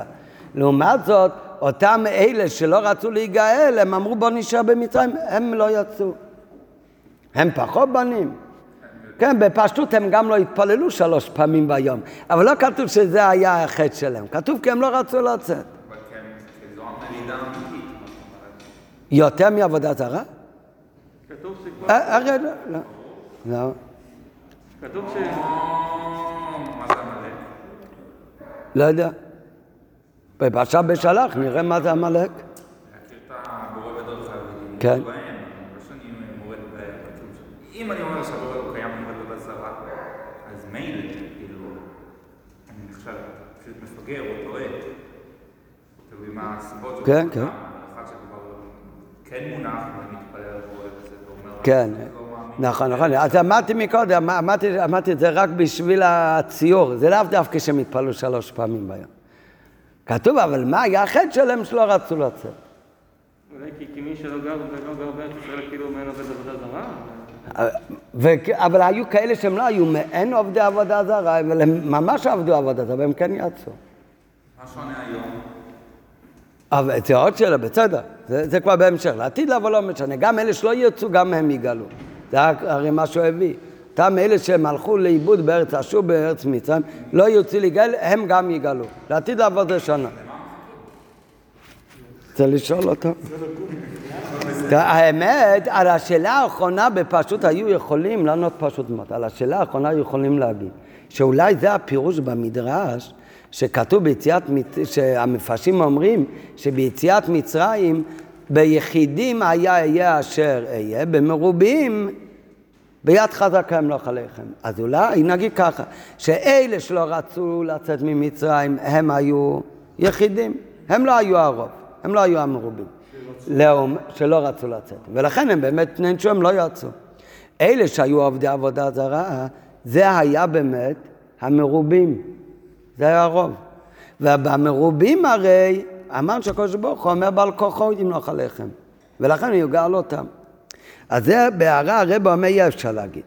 אומר אין לומר לפי שהיו מרובים, שעבודה זרה אולי זה חטא יותר גדול, אבל הם היו יותר מרובים מאלה שלא רצו לצאת ממצרים. ובמרובים הרי, בין אם הם רואים או לא רואים, בעל כוחם מוצאים אותם. למה באמת? כי הרי בני ישראל, גם בהיותם בארץ מצרים, הם מאמינים בני מאמינים. ולכן קשה לומר שאלה שכתוב שהיו עובדי עבודה זרה והיה קטרוג, הם, אה, מה אלה עובדי עבודה זרה, אה, גם אלה עובדי עבודה זרה, וזה שלקח פסל מיכה, קשה לומר שזה היה הרוב בעם ישראל, כי כל עם ישראל הם מאמינים בני מאמינים, רק מה היו כאלה נכשלו בעבודה זרה, אבל בטח לא יכול להיות שזה היה מרובים. אז זה היו יחידים וזה היו יחידים. אם שהם היו יחידים, אז מה שונה היחידים האלה שלא יצאו ממצרים לבין יחידים אלה שכן יצאו ממצרים? אז זה השתי שאלות. אז הש... עוד פעם בקיצור, השאל... מכיוון שבני ישראל, גם בהיותם במצרים כבר נקראו בנים לקודש ברוך הוא, ובן לא משנה המעשים שלו, תמיד נשאר בן של הקודש ברוך הוא. אז אם ככה שאלה הראשונה, כולם היו אמורים לגאל בלי יוצא מן הכלל, גם ביציאת מצרים, כמו בגאולה העתידה. השאלה השנייה, גם אם נמצא איזשהו הסבר שיחידים לא נגאלים, אפילו שהם בנים למקום, אז למה באמת אותם יחידים שהם חטאו בזה שלא רצו להיגאל, הם יותר גרועים והם לא נגאלו, אפילו מאלה שהיו עובדי עבודה זרה שהם כן נגאלו. אז כדי להבין את זה, אז הרב מביא עכשיו הקדמה, ואחרי הקדמה נבין גם יותר לעומק למה באמת בגאולה עתידה אין שום תנאים, ואפילו מי שלא רוצה גם יגאל. נתחיל קודם בעוד ד' את ההקדמה, ויובן זה בהקדים לבאר עניין כפרת יום כיפור. בנגיע ליום כיפור כתוב שיש מחלוקת בין חכמים לבין רבי, חכמים אומרים שיום כיפור מכפר רק למי שעושה תשובה. התשובה מכפר רבי יום כיפור, כך אומרים חכמים. רבי אומר שעל כל עבירות שבתורה, בין עשה תשובה, בין לא עשה תשובה, יום כיפור מכפר. רבי אומר שיום הזה יכפר עליכם, כי ביום הזה יכפר עליכם, לפני השם תתארו, אומר רבי, מה כתוב כאן? יום הזה יכפר עליכם. היום עצמו, יום כיפור, הזמן של יום כיפור מגיע, אז זה מכפר על כל העוונות של בני ישראל. ולא משנה אם עשה תשובה או לא עשה תשובה. רבי לא מכוון למה שלא צריך לעשות תשובה. הרבי אומר, גם אם מי שלא עושה תשובה, עיצומו של יום, מגיע יום של יום כיפור, זה מכפר. איך זה עובד? מה, יום מכפר? יהודי עושה תשובה, מגיע לו, הקדוש ברוך הוא מוחל לו. מה זה היום מכפר? נראה בהמשך, אבל כך סובר רבי. רבי אומר, עיצומו של יום הוא מכפר בין עשה תשובה בין לא עשה תשובה. חכמים אומרים אין כזה דבר, מי שעושה תשובה, אז יום כיפור מכפר, על מה שאתה לא עושה תשובה, גם יום כיפור לא מכפר. אבל רבי לומד שעצם היום מכפר בין אם עשה תשובה בין אם לא עשה תשובה. זאת אומרת, בן אדם הוא נכשל, לא משנה, הרי יום כיפור מכפר גם על השוגג, גם על המזיד, על הקלות ועל החמורות. בן אדם הוא חילל שבת בטעות או במזיד חס וחלילה, הוא עשה עבירה בשבת פשט ויחי. מגיע, סוף שנה מגיע יום כיפור, חכמים אומרים, היהודי יעמוד ויעשה תשובה, ואחרי שהוא עושה תשובה הוא אומר על חטא שחטאתי לפניך בחילול שבת, אז ביום כיפור מכפר לו על העבירה הזאת. רבי אומר לו, מגיע יום כיפור, בין אם הוא עשה תשובה לחילול שבת, בין אם לא, עשה, הגיע יום כיפור, התכפר לו החטא, הוא כמו חדש. כך אומר רבי. אה, אה? מה אתה חושב? צריך לעשות תשובה, כן. אבל בכל זאת, למדנו באלול שהרב תמיד מביא שהרמב"ם אומר שעיצומו של יום מכפר לשווים. זאת אומרת, גם לפי חכמים שצריך לעשות תשובה, הכפרה היא לא כמו היום מי שעושה תשובה, אלא הכפרה גם לדעת חכמים זה מעיצומו של, של יום. זאת אומרת, יש איזה עניין מיוחד שהיום עצמו מכפר. חכמים אומרים יש תנאי לזה, התנאי הוא עשיית תשובה. אבל גם לפי חכמים זה לא שהתשובה מכפרת, אלא ביום כיפור זה הרבה יותר נעלה, עיצומו של יום מכפר. מה זאת אומרת שיום מכפר? תשובה מכפר, אפשר להבין. בן אדם חטא, הוא מתחרט, מוכלים לו. אבל מה זאת אומרת היום מכפר? בחסידות זה מוסבר הרבה פעמים איך זה עובד. אבל עצם היום מכפר, לפי חכמים גם כן, רק זה עם תשובה. לפי רבי אפילו לא עושה תשובה, על הכל יום כיפור מכפר. אומרת הגמרא, יש דבר אחד יוצא מן הכלל, שרבי אומר יום כיפור לא מכפר. על דבר אחד. על איזה דבר? בן אדם עובר על איסור כרת של יום כיפור עצמו. מי שאוכל ביום כיפור, שהוא חייב כרת, זה נקרא הכרת של יום כיפור, במזיד, בכוונה, על הדבר הזה יום כיפור לא מכפר. זה מה שאומר רבי. אומרת הגמרא, שדעת רבי הוא שעל כל העבירות שבתורה, בין עשה תשובה בין אם לא עשה תשובה יום כיפור מכפר, אבל מודה רבי בכרת דיימה. מה הכוונה בכרת דיימה? באיסור כרת של היום הזה, של יום כיפור, על זה כשהוא עובר על איסור של עינוי, שהוא לא צם ביום כיפור, או במלאכה ביום כיפור עצמו, או שהוא עושה מלאכה ביום כיפור, זה נקרא קורס דיימה, מודה רבי שאין יום כיפור מכפר על זה. ולכאורה זה גם כן תמוה. מה זאת אומרת? הרי רבי אומר שמגיע יום כיפור זה מכפר על הכל. וזה לא משנה אם עשית תשובה או לא עשית תשובה. וזה לא משנה על הקלות או על חמורות, גם על איסורים של כרת יום כיפור יכול לכפר. אפילו שהוא לא עושה תשובה. אז למה כשהוא אוכל ביום כיפור על זה אין ליום כיפור כוח לכפר? למה נפקא מיני מכל כרת אחר?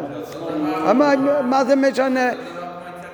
אם, אם היה צריך להיות איזה שהוא תנאי, לכן השאלה היא דווקא לפי רבי, לפי חכמים זה בכלל לא שאלה, לפי חכמים אם לא תעשה תשובה זה גם לא מכפר.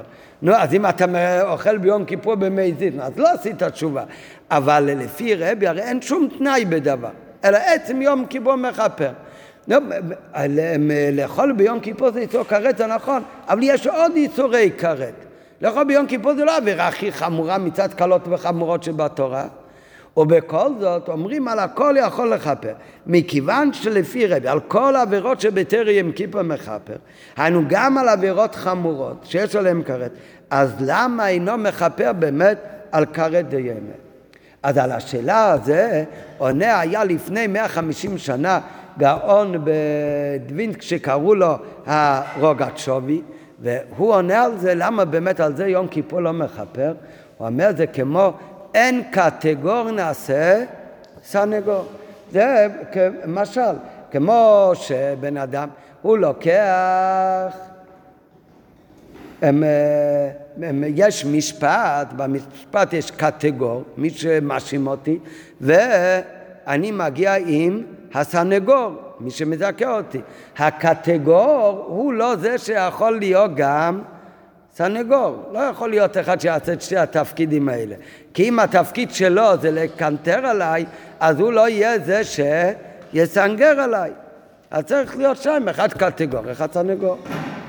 אז אותו דבר כתוב, שאיפה, זה מובא בעוד דברים, שאין קטגור נעשה סנגור ביום כיפור, הכהן גדול בעבודות הפנים, בקודש קודשים, לא הלך עם שמונה בגדי כהונה גדולה, אלא רק עם בגדי לבן.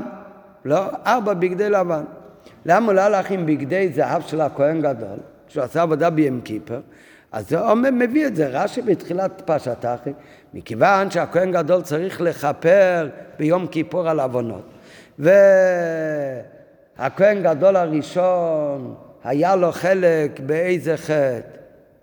בחטא העגל שעשו עגל זהב. אז אין קטגור, נעשה סנגור. זהב זה עצמו כבר מעורר קטרוג, זה קטגור. אז הוא לא יכול להיות זה שיבוא לסנגר ולכפר בקודש קודשים ביום הכיפורים. אין קטגור נעשה סנגר. אז אותו דבר, אז זה אומר רק עכשיו בניגלה, הפירוש הוא איך זה עובד. הוא אומר ככה, ביום כיפור הוא יכול לכפר על כל דבר, על קלות וגם על חמורות, בין עשה תשובה בין, בין לא עשה תשובה. מי הוא זה שמכפר לך על הכל? עיצומו של, של יום, זה היום כיפור שהוא מכפר לך. אז אם אתה אוכל ביום כיפור, נגד מי הלכת כאן? נגד יום כיפור. מי גורם לאכילה הזאת להיות עבירה? יום כיפור. יום כיפור. הרי מה היית אוכל אתמול? זה לא היה עבירה. מה גורם לאיסור הזה? היום כיפור גורם לאיסור. אז אם היום כיפור גורם לאיסור הזה, אז הוא הקטגור, אז בעניין הזה הוא לא יכול לכפר. אין קטגור, נעשה סנגור. הוא מביא בדרגות שכיוון שהחטא הוא בעניינו של יום כיפור גופה, מכיוון שהחטא הזה, מדברים כאן על קורס דיימה, שהוא אוכל או עושה מלאכה ביום כיפור, אז הרי הוא עצמו, מי זה הוא עצמו? היום הכיפור הוא הגורם לחטא. זה הדבר שגורם, בגדו גורם לחטא. זאת אומרת, יום הכיפור, בחטא הזה של אכילה ביום כיפור, בחטא הזה יום כיפור הוא הקטגור שלך. אז בעניין הזה הוא לא יכול להיות הסנגור. על זה שבן אדם אכל חזיר, ועל זה שבן אדם לא הניח, אה, לא התפלל באריכות, על כל החטאים שלו של כל השנה, יום כיפור יכול להיות הסנגור, הוא יכול לכפר עליהם. למה? כי לא יום הכיפור גרם לחטא, הפוך, יום כיפור מכפר על זה. על אותם עבירות של יום כיפר, אבל זה הרי יום כיפור הופך להיות הקטגוריה שלך. כאן הוא הגורם כשאתה חוטא. אם כן, אי אפשר להיות שהגורם לחטא, לא שהוא הצית אותך לחטא, הכוונה ברעיון, הוא הגורם לחטא, אז הרי לא יכול להיות שהגורם לחטא הוא גם המכפר עליו. למה זה לא יכול להיות? כי הכלל הוא שאין קטגור נעשה סנגור.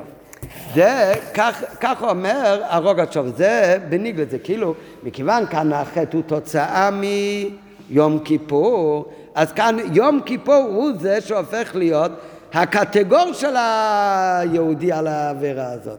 אז בעניין הזה הוא לא יכול להיות גם מי שמסנגר ומוכר לך. אבל על פי חסידות, מה זה באמת אומר? זה לא, זה הרבה יותר עמוק. על פי חסידות כתוב, מה זה בכלל אומר שיום כיפור מכפר? מה זה הוקוס פוקוס? מגיע היום, מתחילים מחדש דף חדש. זה נקרא כפרה. זה נקרא ויתור אולי. בן אדם הוא חוטא, מגיע לו עונש. כן? אז יכול להיות, המלך הוא יכול להחליט יום אחד בשנה, היום שהוא נהיה מלך למשל, אז הוא נותן חנינה לכל אלה שחטאו נגדו. זה נקרא כפרה?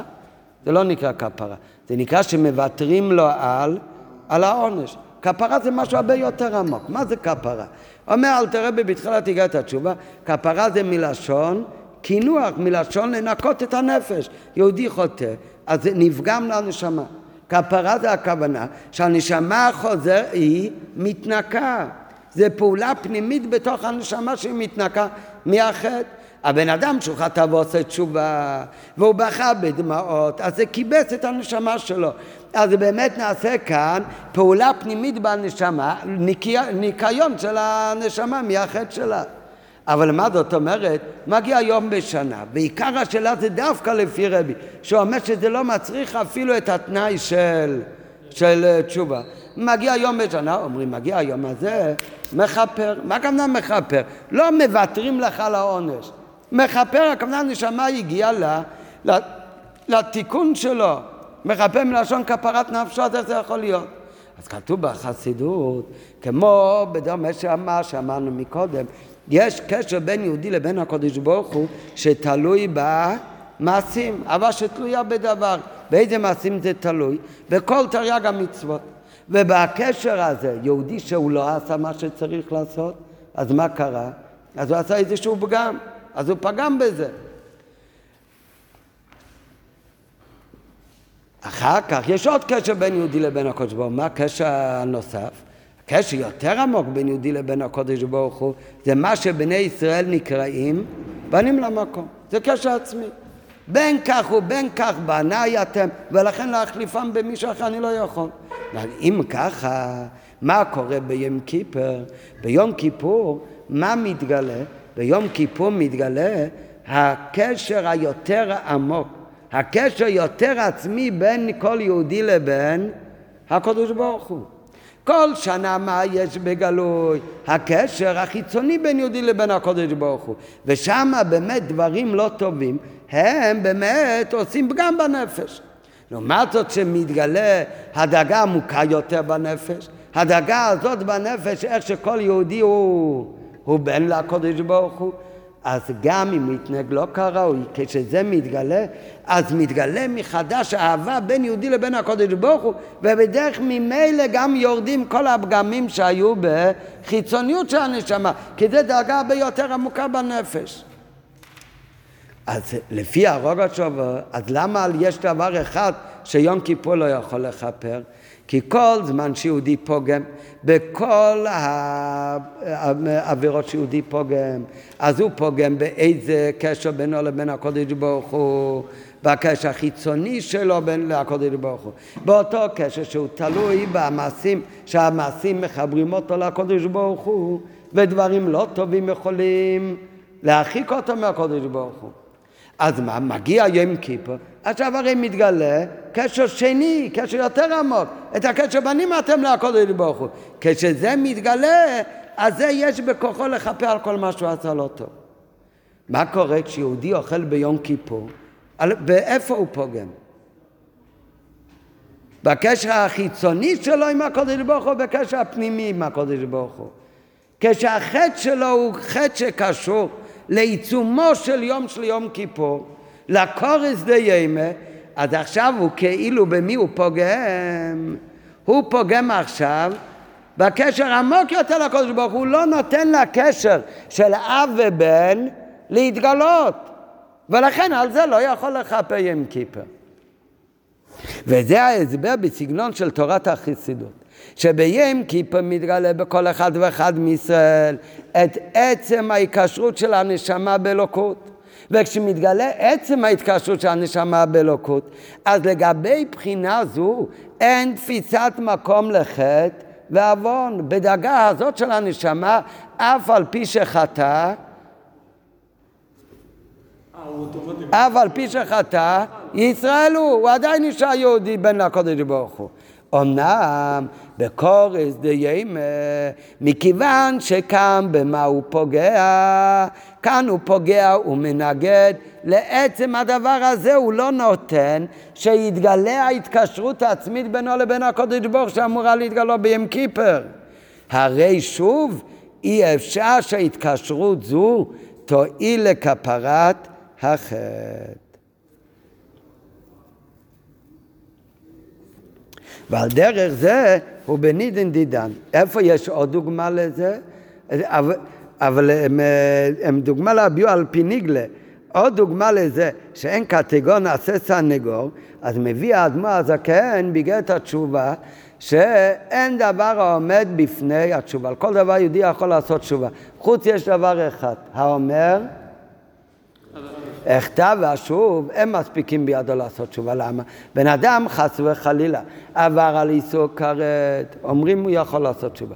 בן אדם עושה עוון שמצד עצמו הוא הרבה יותר קל, כן? הוא סך הכל פעם אחת דיבר לשון הרע. לא, זה לא קל, זה הכי חמור, אבל נגיד, הוא, הוא אכל בזוקה, כן? הוא אכל, הוא עשה עבירה קלה.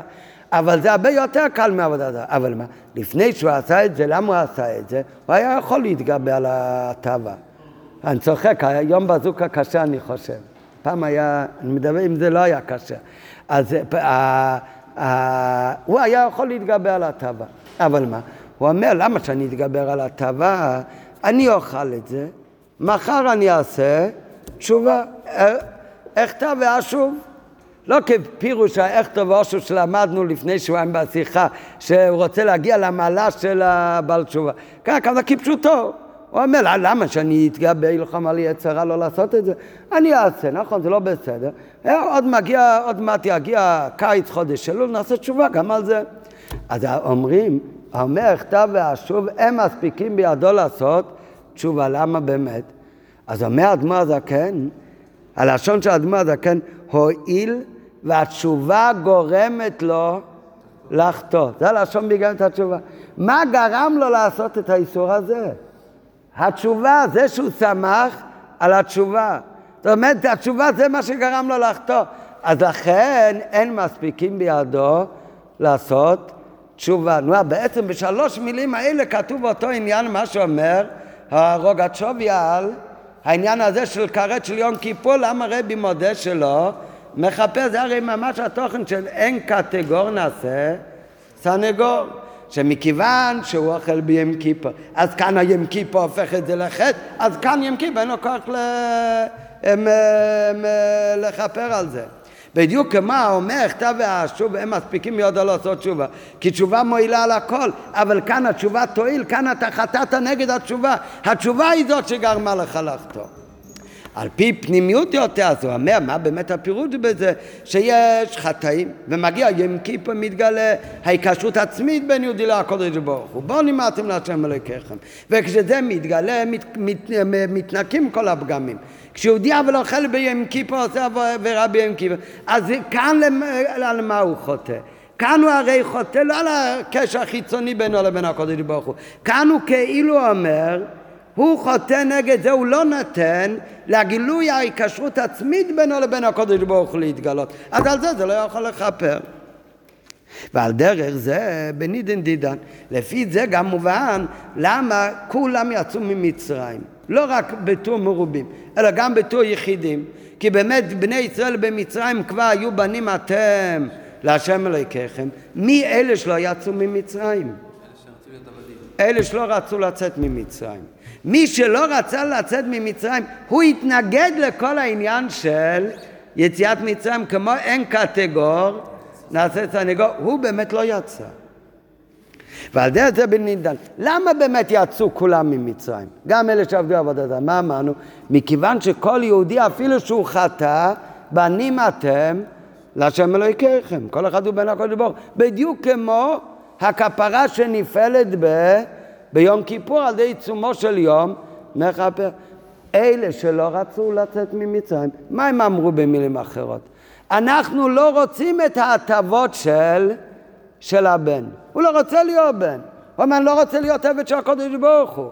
הוא רוצה להיות עבד ב, במצרים. אז הוא לא נותן לבנים אתם להשם אלוקיכם להוציא אותו. כי הוא מתנגד לעניין הזה גופה של בנים אתם. ועל דרך זה בנדידן, ההתעוררות והגילוי מלמעלה. להוציא את בני ישראל ממצרים היה מצד גילוי ההתקשרות של הקודש ברוך הוא. שהקודש ברוך הוא אבינו לבני ישראל כנסכלים. ומכיוון שזה היקשרות עצמית, שאי אפשר להיות בה שינוי, לא משנה איך הבן יתנהג, הוא נשאר בן, ואבא נשאר אבא. לכן יגאלו כל ישראל ממצרים, גם הרשעים. כי בין כך ובין כך בניהם. אמנם אותם הרשעים, הרשעים שהם יענו לצאת ממצרים ולהיות עבד לעבדים, שזה הפך מעבוד הייתם, ופשיט שזה הפך מבני בכורי, הם לא רצו להיות, אה, לצאת ממצרים. מה הכוונה הם לא רצו? הם זה, הם לא חטאו בדבר קל או בדבר הכי חמור. הם חטאו נגד כל המושג הזה להיות בנים לקודש ברוך הוא. הם יענו לצאת ממצרים. ומה הם רצו להיות? עבד לעבדים, הפוך מעבוד הייתם, שהקדוש ברוך הוא בני ישראל להתחבא אליו, ופשיטה שזה הפך לבני בכורי, בוודאי שהם לא הם רצו להיות בדרגה של בני בכיר ישראל. מאחר שבזה התנגדו לגילוי ההיקשרות גופה, לכן לא ייתכן שגילוי זה יפעול בהם עניין הגאולה ממצרים. וכנ"ל באותיות דניגלה, כמו שאמרנו מקודם, שאין קטגור נעשה סנגור.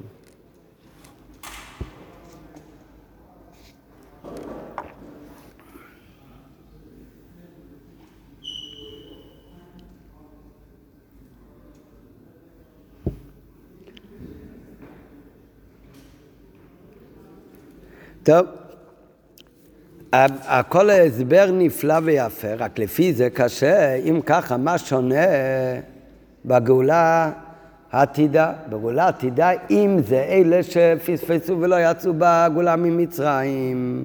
למה? באמת כי אין קטגור נעשה סנגור. כי הגאולה לכולם, כולל הרשעים, זה מגיע מדרגה יותר מקשר עצמי בין הקדוש ברוך לבין בני ישראל. ובכל זאת אלה שלא רצו להיגאל, הם לא יצאו. למה? כי הם התנגדו נגד הקשר העצמי והפנימי הזה. נו, אז אם ככה גם לעתיד לא באותו דבר. כולם אמורים לצאת, אבל אותם אלה שהם יהיו נאבדים באשור ונידחים בארץ מצרים שלא יצאו בכלל להיגאל, אז למה צריך בכלל לעורר אצלם רצון? לא רק למה צריך, למה לעתיד לעבוד זה כן יעבוד.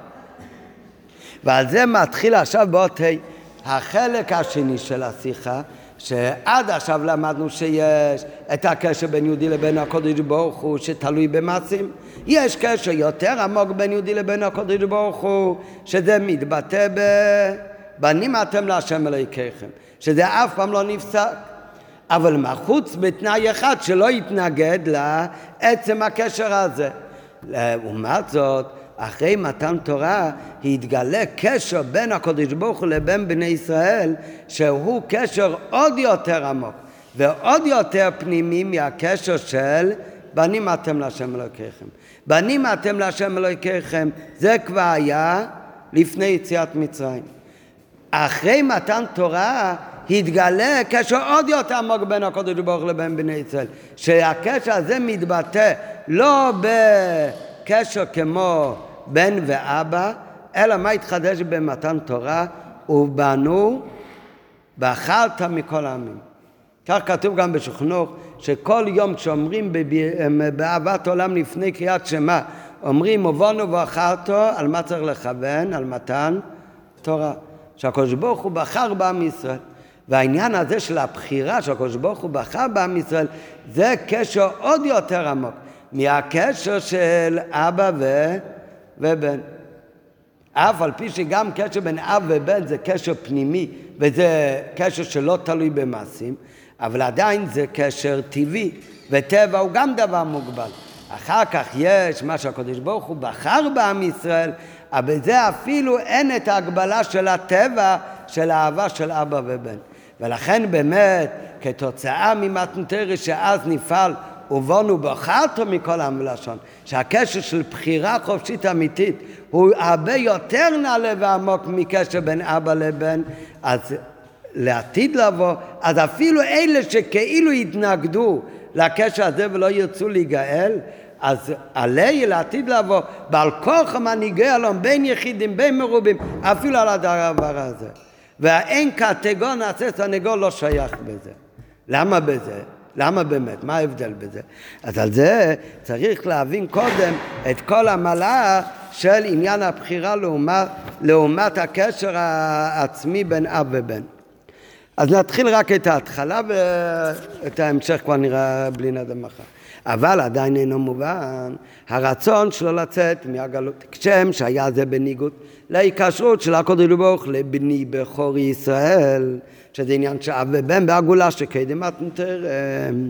כמו כן, הוא מנגד גם להיקשרות והאיכות שניתוסיו במתנתרת. אז גם אחרי מתן תורה, שאז נהיה אנוכי הווי אלוקיך, כוחך וחיותך, וזה יביא את הגאולה העתידה של בני ישראל. ואם כן, הוא עוד לא הסביר מה יותר נעלה בקשר הזה שהתחדש בעונך השם אלוקיך לבין בני בכור ישראל שהיה במצרים. הוא יסביר את זה רק אחר כך. אבל הוא כבר אומר שזה קשר יותר עמוק. נו, אבל גם אם זה קשר יותר עמוק, אבל מי שלא ירצה את אותו קשר, אז עוד הפעם אין קטגור נעשה סנגור. אז גם זה שמביא את גאולתם העתידה של בני ישראל, ואם כן על פי הכלל, שאין קטגור נעשה סנגור, איך יהיה גאולה של אלה שלא ירצו לצאת מהגלות בגאולה עתידה? שאז אומרים גם אלה שלא ירצו גם כן יגאלו. רק אילו היה שם לא היה נגאל, אבל עתיד לבוא כן יגאל. ובי העניין בחידוש ועילוי ההיקשרות שהקדוש ברוך הוא בני ישראל, שנתחדש במתן תורה, מצינו שתי עניינים. במתן תורה התחדשו שתי עניינים, ואנחנו נראה ששתי העניינים האלה הם בעצם תלויים אחד בשני. בשעת מתן תורה, באחר הקודש ברוך הוא בישראל. כדמוכר גם מהלכה בפועל, שאל תראה במביא בשולחן ערוך, כשיאמר ובונו ואכלת מכל עם ולשון, יזכור את מתן תורה. ב. בני ישראל נעשו משועבדים ועבדים להשם כמאמר רז"ל אוזן ששמע על הר סיני כי לי בני ישראל עבדים עבדי הם כמו שנאמר בעניין מתן תורה בפרשתנו בהוציאך את העם ממצרים תעבדון את אלוקים על ההר הזה. מה הכוונה בן אדם משועבד? משועבד זה לא הכוונה הוא מחליט לעשות או לא לעשות. אם כך הוא לא משועבד. אלא משועבד הכוונה בין אם אתה רוצה בין אם אתה לא רוצה, אתה חייב לעבוד, כמו עבודת עבד.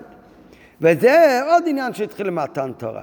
ושני עניינים אלו שייכים זה לזה כדי לקמה. לכאורה למה זה שייך לזה לזה? זה שתי הופכים הרי. בפשטות, עבד, הקשר בין עבד ואדון זה קשר הכי חיצוני. מה הקשר שיש בין עבד לאדון? זה קשר פנימי ועמוק כמו אבא ובן? זה קשר נפשי מה פתאום? הקשר בין עבד ואדון הוא שאם האדון אומר לעבד תעשה כך והעבד מקשיב לו אז נהיה חיבור ביניהם. על ידי מה נעשה החיבור ביניהם? על ידי המעשים שלו. אם הוא לא עושה מה שהאדון עושה אז הוא מחובר עם האדון או מנותק מהאדון? אז הוא מנותק מהאדון, הוא מחובר רק על ידי המעשה. אבא ובן, אומרים אבא ובן זה קשר יותר עמוק. כמובן אם האבא אומר לבן לעשות משהו, הבן גם צריך לעשות, הוא לא רק צריך לעשות מה שאמרו לו, הוא צריך לעשות את זה עוד יותר טוב, כי הרי בן. אבל מצד שני, גם אם הוא לא יעשה את זה, אז הוא עדיין יהיה בן. למה? כי אבא ובן זה קשר נפשי וטבעי ועצמי. הוא לא אה, אהבה שתלויה בדבר. האדון והעבד זה קשר כמו אהבה שתלויה בדבר. שהוא אומר לו לנקות את הבית, אז העבד מחובר עכשיו לאדון. אם הוא בורח ולא עושה מה שאמרו לו לעשות, באותו רגע הוא יתנתק, הוא לא מחובר. בטל הדבר, בטל האהבה, בטל החיבור. על ידי אבא ובן, אז כמובן שהוא אומר לו משהו לעשות, הוא צריך לעשות את זה ומתחבר עוד יותר. ואם הוא לא יעשה שום דבר, יעשה כל דבר הפוך מאבא, אז הוא עדיין נשאר בן לאבא. לא רק הוא עדיין נשאר, הוא לא נהיה גם פחות בן. הבן הסורר הוא לא פחות בן מהבן הטוב. כן, בעניין של אבא ובן זה אהבה עצמית, זה קשר טבעי, וזה כולם אותו דבר. אז בזה, אז זה קשר הרבה יותר עמוק. כן. אחר כך אומרים במתן תורה, התחדש קשר עוד יותר פנימי ועצמי. אומרים שבני בכורי ישראל זה כבר היה במצרים גם כן. עובדה שלפני יציאת מצרים הקדוש ברוך הוא אומר שהוציא את בני ישראל ממצרים כי בני בכור ישראל. אז זה העניין של בנים אתם להשם אלוהיכיכם, זה כבר היה גם במצרים. ישראל עלו במחשבה, כל מה שכתוב בפרק ב', החלק הזה שכתוב בפרק ב' בתניא, שכל נשמה היא חלק אלוקה ממעל ממש,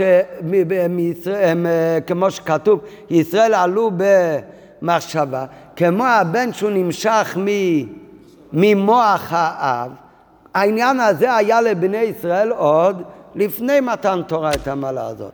בני בחר ישראל. אחר כך במתן תורה התגלה קשר עוד יותר עמוק. מהו קשר עוד יותר עמוק? ובנו בחרת מכל עם ולשון. הקדוש ברוך הוא בחר בעם ישראל. אז זה עוד יותר נעלה. למה זה עוד יותר נעלה? זה לכאורה עניין יותר... אז זה נלמד בעזרת השם מחר. אבל זה קשר עוד יותר עמוק. ובנו בחרתם מכל עם ולשון.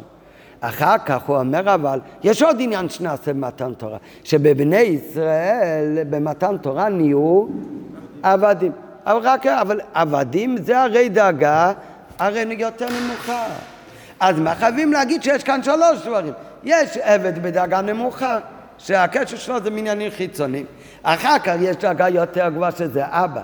אחר יש דאגה עוד יותר גבוהה, שזה עניין של בחירה, והעניין של בחירה הוא באמת מתבטא לא כל כך בעניין של בן, אלא בעניין של עבד למעליותה. דווקא שהוא נפרד, והוא לא מהמשפחה. טוב, אבל זה הסבר אה, עמוק וארוך, ואפילו שנשאר לנו רק דף אחד, אבל עדיף שבעזרת השם נלמד את זה בצורה מסודרת מחר.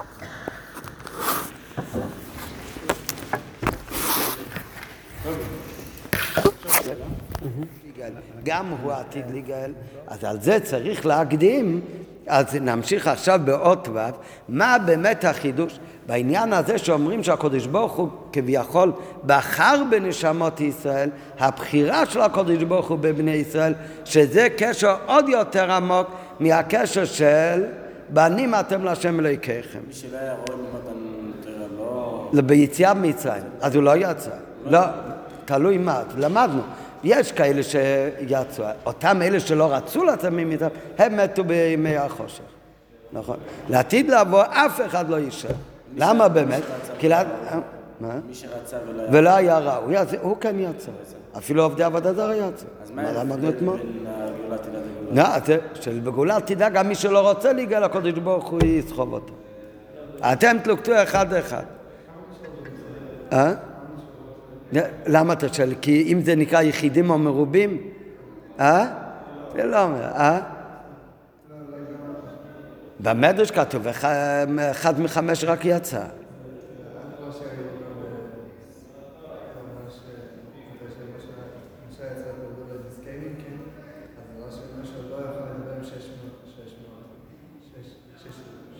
שישים ריבון.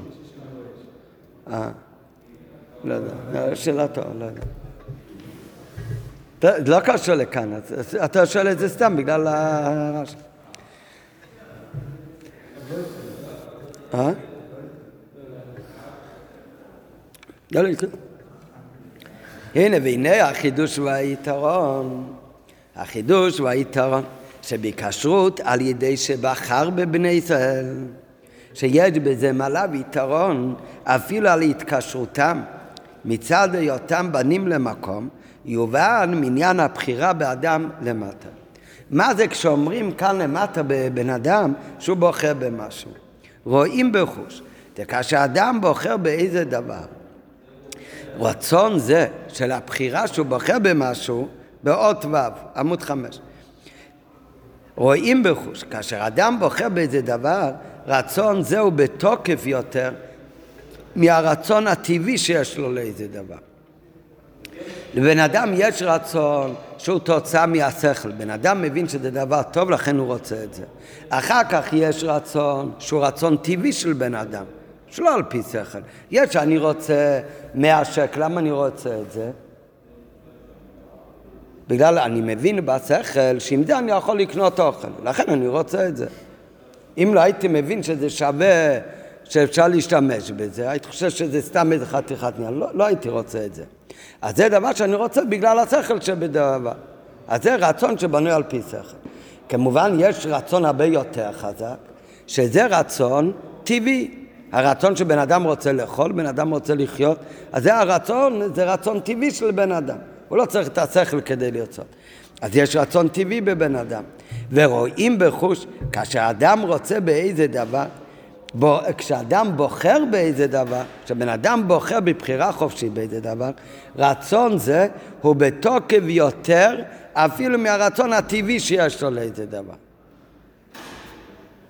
והטעם בזה, מה באמת הסיבה לכך?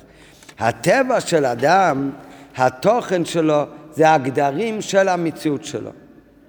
ומצד טבע זה בא גם אופן ההגדרה והמדידה שבהם מוגדרים כוחותיו, חושיו, תכונותיו וכולי.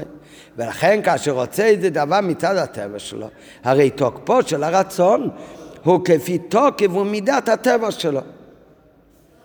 אמנם עניין הבחירה האמיתית היא מצד עצמותו, כמו שהוא למעלה מהגדרים טבע האדם.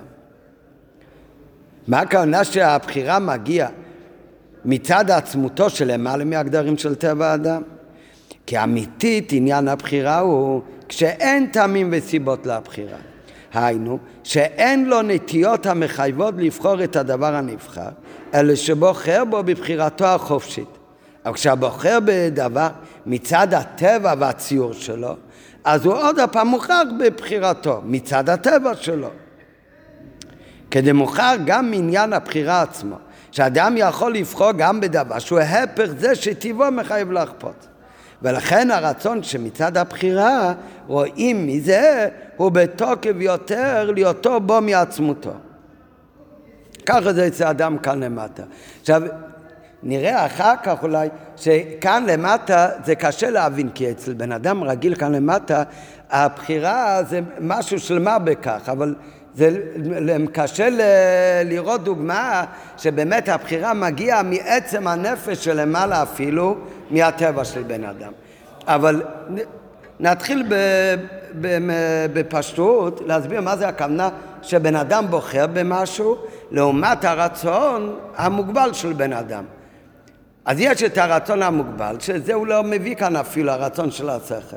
אחר יש את הרצון הטבעי שהוא מביא כאן, ויותר בתוקף זה רצון שהוא תוצאה מהבחירה שלך. אבל כדי להבין את ההבדל, אז נקדים אולי בקיצור כל פנים, מה זה הרצון שהוא על פי שכל. כנראה, בן אדם, הוא מבין שהדבר הזה הוא טוב, לכן הוא רוצה את הדבר. עד כמה יהיה הרצון לדבר? הרצון, זה יהיה רצון מוגבל הרצון בלי גבול, זה רצון מוגבל. עד כמה מוגבל הרצון הזה? הרצון הזה יהיה מוגבל עד כמה ש... שהשכל מכריח את הטוב שבדבר. זאת אומרת, אם אתה מבין שהדבר הזה מביא לך תועלת ויש טוב בדבר הזה, ולכן אתה רוצה את הדבר, אז עד כמה אתה רוצה את הדבר? אתה, הרצון לדבר הוא מוגבל. הוא עד כמה שלדוגמה, אם בן אדם רוצה מאה שקל, למה הוא רוצה מאה שקל? כי עם מאה שקל הוא יכול לקנות אוכל נגיד. אז יש כאן הסבר למה הוא רוצה את הדבר הזה. אז עד כמה הוא רוצה את הדבר הזה? עד כמה שחשוב לו התועלת של המאה שקל. אם יעבור הרצון הזה, לעומת זאת, יש משהו אחר שהוא יכול להשיג באותו שעה, שהמשהו האחר שהוא יכול להשיג באותו שעה הוא שווה הרבה יותר ממאה שקל. הוא יכול באותו שעה במקום להשיג את המאה שקל שהוא רוצה אותם, באותו שעה הוא יכול לעשות משהו כדי להשיג מכונית נגיד, לא משנה. אז במה הוא ישקיע עכשיו את השעה הזאת? ולהשיג את המכונית. למה? אה, הוא רוצה את המאה שקל, אבל הרצון של המאה שקל זה כפי ערך התועלת. אם יש משהו אחר שיכול להביא לו תועלת יותר גדולה, אז באותו רגע הרצון הזה יבטל את הרצון הזה. כן? זאת אומרת שכל רצון הוא יהיה מוגבל לפי השכל שגורם לרצון הזה. אצל בן אדם בדרך כלל כל הרצונות שלנו הם תוצאה השכל. רוב הרצונות שלנו זה רצון שלמטה מטעם הדת. יש גם רצון שלמעלה מטעם הדת, אבל רצון רגיל. ולכן, אם בן אדם יגיד לך, יש לך כאן החוברת שהאטומים החושו והדפיס לשיעור של לקוטי סיכס חלק י"א והשיחה הזאת, עשר דפים. מה יש לנו כאן ליד? אה? את כל הספר של חלק י"א, כן? נו, אז הנה, נו, מה אתה רוצה? את זה או את זה? את זה. אתה בחרת בבחירה חופשית בזה? מה כן? אני יכול לבחור גם את זה, אבל... זה נקרא להגיד שאתה בוחר בזה? זה הרי בכלל לא אותו דבר. לא צריך לבחור בזה. הרי למה אתה רוצה את זה? כי יש כאן בפנים את השיחה. נו, למה אתה רוצה את זה? כי יש כאן בפנים חמישים שיחות. נו, אז הרצון הזה הוא יותר גדול מהרצון הזה. אז זה לכתחילה, כל רצון, גם הרצון הזה הוא גם מוגבל. התוקף של הרצון הוא עד כמה אני מבין התועלת של הדבר הזה. יותר מהתוכן של הדבר שהבנתי שיש בזה, לא יהיה גם תוקף הרצון. אז זה, זה רצון שמיוסד על פי שכל. לא, ולכן, דרך אגב, לכן לא מתאים להגיד בן אדם בוחר בדבר הזה. אתה לא בחרת בדבר הזה. אתה רצית, למה רצית את הדבר הזה? בגלל המעלה שלו. ולכן הרצון הוא גם מוגבל כפי ערך המעלה של הדבר. יבוא דבר עם מעלה יותר גדולה, אז הרצון יגבור על הרצון לדבר הראשון. כן, זה, זה רצון שעל פי טעם והדת. אחר כך יש רצון שהוא בתוקף הרבה יותר גדול. מה זה רצון? זה לא רצון שהוא על פי שכל. הוא לא מוגבל לפי כמה השכל מבין שזה דבר טוב. יש רצון, מה זה רצון? זה מרוצת הנפש. אתה רוצה להידבק במשהו, כמו בזה, רק בזה אתה רוצה להידבק בגלל התועלת שלו. זה מוגבל. יש בן אדם, יש לו רצון, כאילו כמו אהבה. אהבה זה סוג של רצון. יש אהבה לבן שלו. הרצון הזה, זה שבן אדם, הוא בוחר בבן שלו. נו, אז זה בוודאי הוא גם לא יכול להגיד שהוא בחר בבן שלו, למה? כי יש לו גם סיבה שגורם לו לרצות בבן. מה הסיבה? אה? מה הסיבה? כי הוא הבן שלו. רק מה כאן זה לא סיבה חיצונית. כאן זה סיבה טבעית, זה מצד הטבע שלך. אז לכן כאן, כמובן הרצון הזה, הוא נחשב לרצון בלתי מוגבל לעומת הרצון שאתה רוצה לדבר זר. כשאתה רוצה דבר זר, שאין לך שום קשר טבעי לדבר, אז תמיד זה אהבה שתלויה בדבר, הגדרים של הדבר גורמים לך לרצות את זה. אז כמה שזה יהיה גדול, תמיד זה יהיה מוגבל לפי ערך התועלת שבדבר. לעומת זאת, כשאתה אוהב את הבן שלך, אז זה רצון שלכאורה הוא נחשב לעומת הרצון הראשון, רצון בלתי מוגבל. למה? כי כאן הקשר הוא לא בגלל איזושהי סיבה. אין כאן סיבה שגורם לך לאהוב אותו, אלא כאן הרצון הוא רצון טבעי. לא, אז זה הרבה יותר נעלה. אבל האמת, כשהמשנה אומרת בפרקי אבות דוגמה לאהבה שאינה תלויה בדבר. אז איזה אהבה כתוב במשנה? דוד בן... למה צריך להביא אהבה של דוד ואינוסון? אפשר להביא דוגמה של כל אהבה של אבא ובן. כתוב על זה שזה לא נכון, למה? כי גם אהבה של אבא ובן זה גם אהבה שתלויה בדבר. כמובן, לעומת אהבה שאני אוהב אותך כי אתה עושה לי תה כל יום, אז זה בוודאי נקרא אהבה שאינו תלויה בדבר, זה לא תלוי בדבר חיצוני, אז זה גם תלוי בדבר. במה זה תלוי? בטבע שלו. הרי אני אוהב אותו בגלל שהוא הבן שלי. אז נכון, הסיבה כאן היא סיבה הרבה יותר עמוקה. אבל עדיין יש כאן איזשהו ציור באותו דאגה בנפש, איפה שאני אבא ואיפה שהוא הבן שלי, שם יש חיבור בינינו. אבל יש את העצם הנפש של בן אדם, איכשהו לעצמו, למעלה מלהיות אבא. הרי הבן אדם היה חי עוד לפני שנולד לו ילד. זאת אומרת, עצם הנפש שלו קיים גם בלי ילד. שמה בדאגה הזאת שבנפש, איפה שאין מושג של בן, אז שמה הוא לא היה אוהב את הבן הזה יותר ממישהו אחר, שם כולם אותו דבר. כשה, למה אמרנו שבזה לא שייך בחירה? כי זה בכלל לא אותו דבר. זה וזה, זה לא אותו דבר, זה פי. חמש יותר שווה. לכן לא שייך להגיד בחירה. איפה אומרים ששייך בחירה? בשתי דברים שהם, שהם אותו דבר. כתוב, לא צריך דווקא להיות שני דברים אותו דבר, לפעמים יכול להיות שיש שני דברים שהם לא אותו דבר, אבל לגבי הרוממות של הבן אדם, אז השתי דברים, שתיהם לא תופסים מקום. למשל, תשאל את ילד, אם הוא רוצה את הלגו הזה או הלגו הזה, על זה שייך בחירה, כי שתיהם הם אותו דבר. תשאל אותו אם הוא רוצה את הלגו, את האוטו משחק, אז כאן זה כבר לאו דווקא בחירה, למה? כי זה לא אותו דבר, אחד יותר... לגבי, לגביך אבל, גם המשחק לגו והמשחק אוטו, בשבילך מצד הרוממות שלך, שתיהם אותו דבר, אז גם בזה שייך בחירה. זאת אומרת, מה שהדאגה בנפש היא יותר עמוקה, אז שמה פחות דברים תופסים מקום, ולכן שמה כבר שתי הדברים יכולים בחזרה להיות אותו דבר. אז יש את הרצון שבן אדם רוצה משהו בגלל התועלת של הדבר, זה הרצון הכי חיצוני, זה רצון שנולד על פתאום הדת, זה בוודאי רצון מוגבל. כאן בשיחה הוא מדבר ישר כבר על הרצון היותר עמוק, על הרצון הטבעי של בן אדם, שהוא הרבה יותר עמוק. בדרך כלל זה נקרא רצון של למעלה מטעם ודת, זה כמו אבא ובן נראה אחר כך, אבל גם הרצון הזה, סוף כל סוף, אם זה הטבע שלי, זאת אומרת זה כבר חלק מהציור של הבן אדם, זה כבר חלק מהגבלה של הבן אדם, לכל בן אדם יש את ההגבלות, את הטבע שהקדוש ברוך הוא ברא אותו, יש לו שכל, יש לו מידות, יש לו גם רצונות טבעיים. אז גם הרצון הזה, שבאמת שהוא רצון טבעי, אבל עדיין זה רצון טבעי שמוגבל בתוך הציור שלו. וזה מושך אותו לאהוב את הדבר הזה יותר מאת הדבר הזה. מצד הרצון טבעי, הבן אדם לא יכול לבחור בין הבן שלו לבין מישהו אחר. מצד הרצון טבעי, הבן שלו יותר קרוב למישהו אחר. זאת אומרת, גם כאן יש איזשהו גדר והגבלה שמכריח אותו לרצות את זה. אז איפה זה בחירה חופשית? מה זה נקרא בחירה חופשית?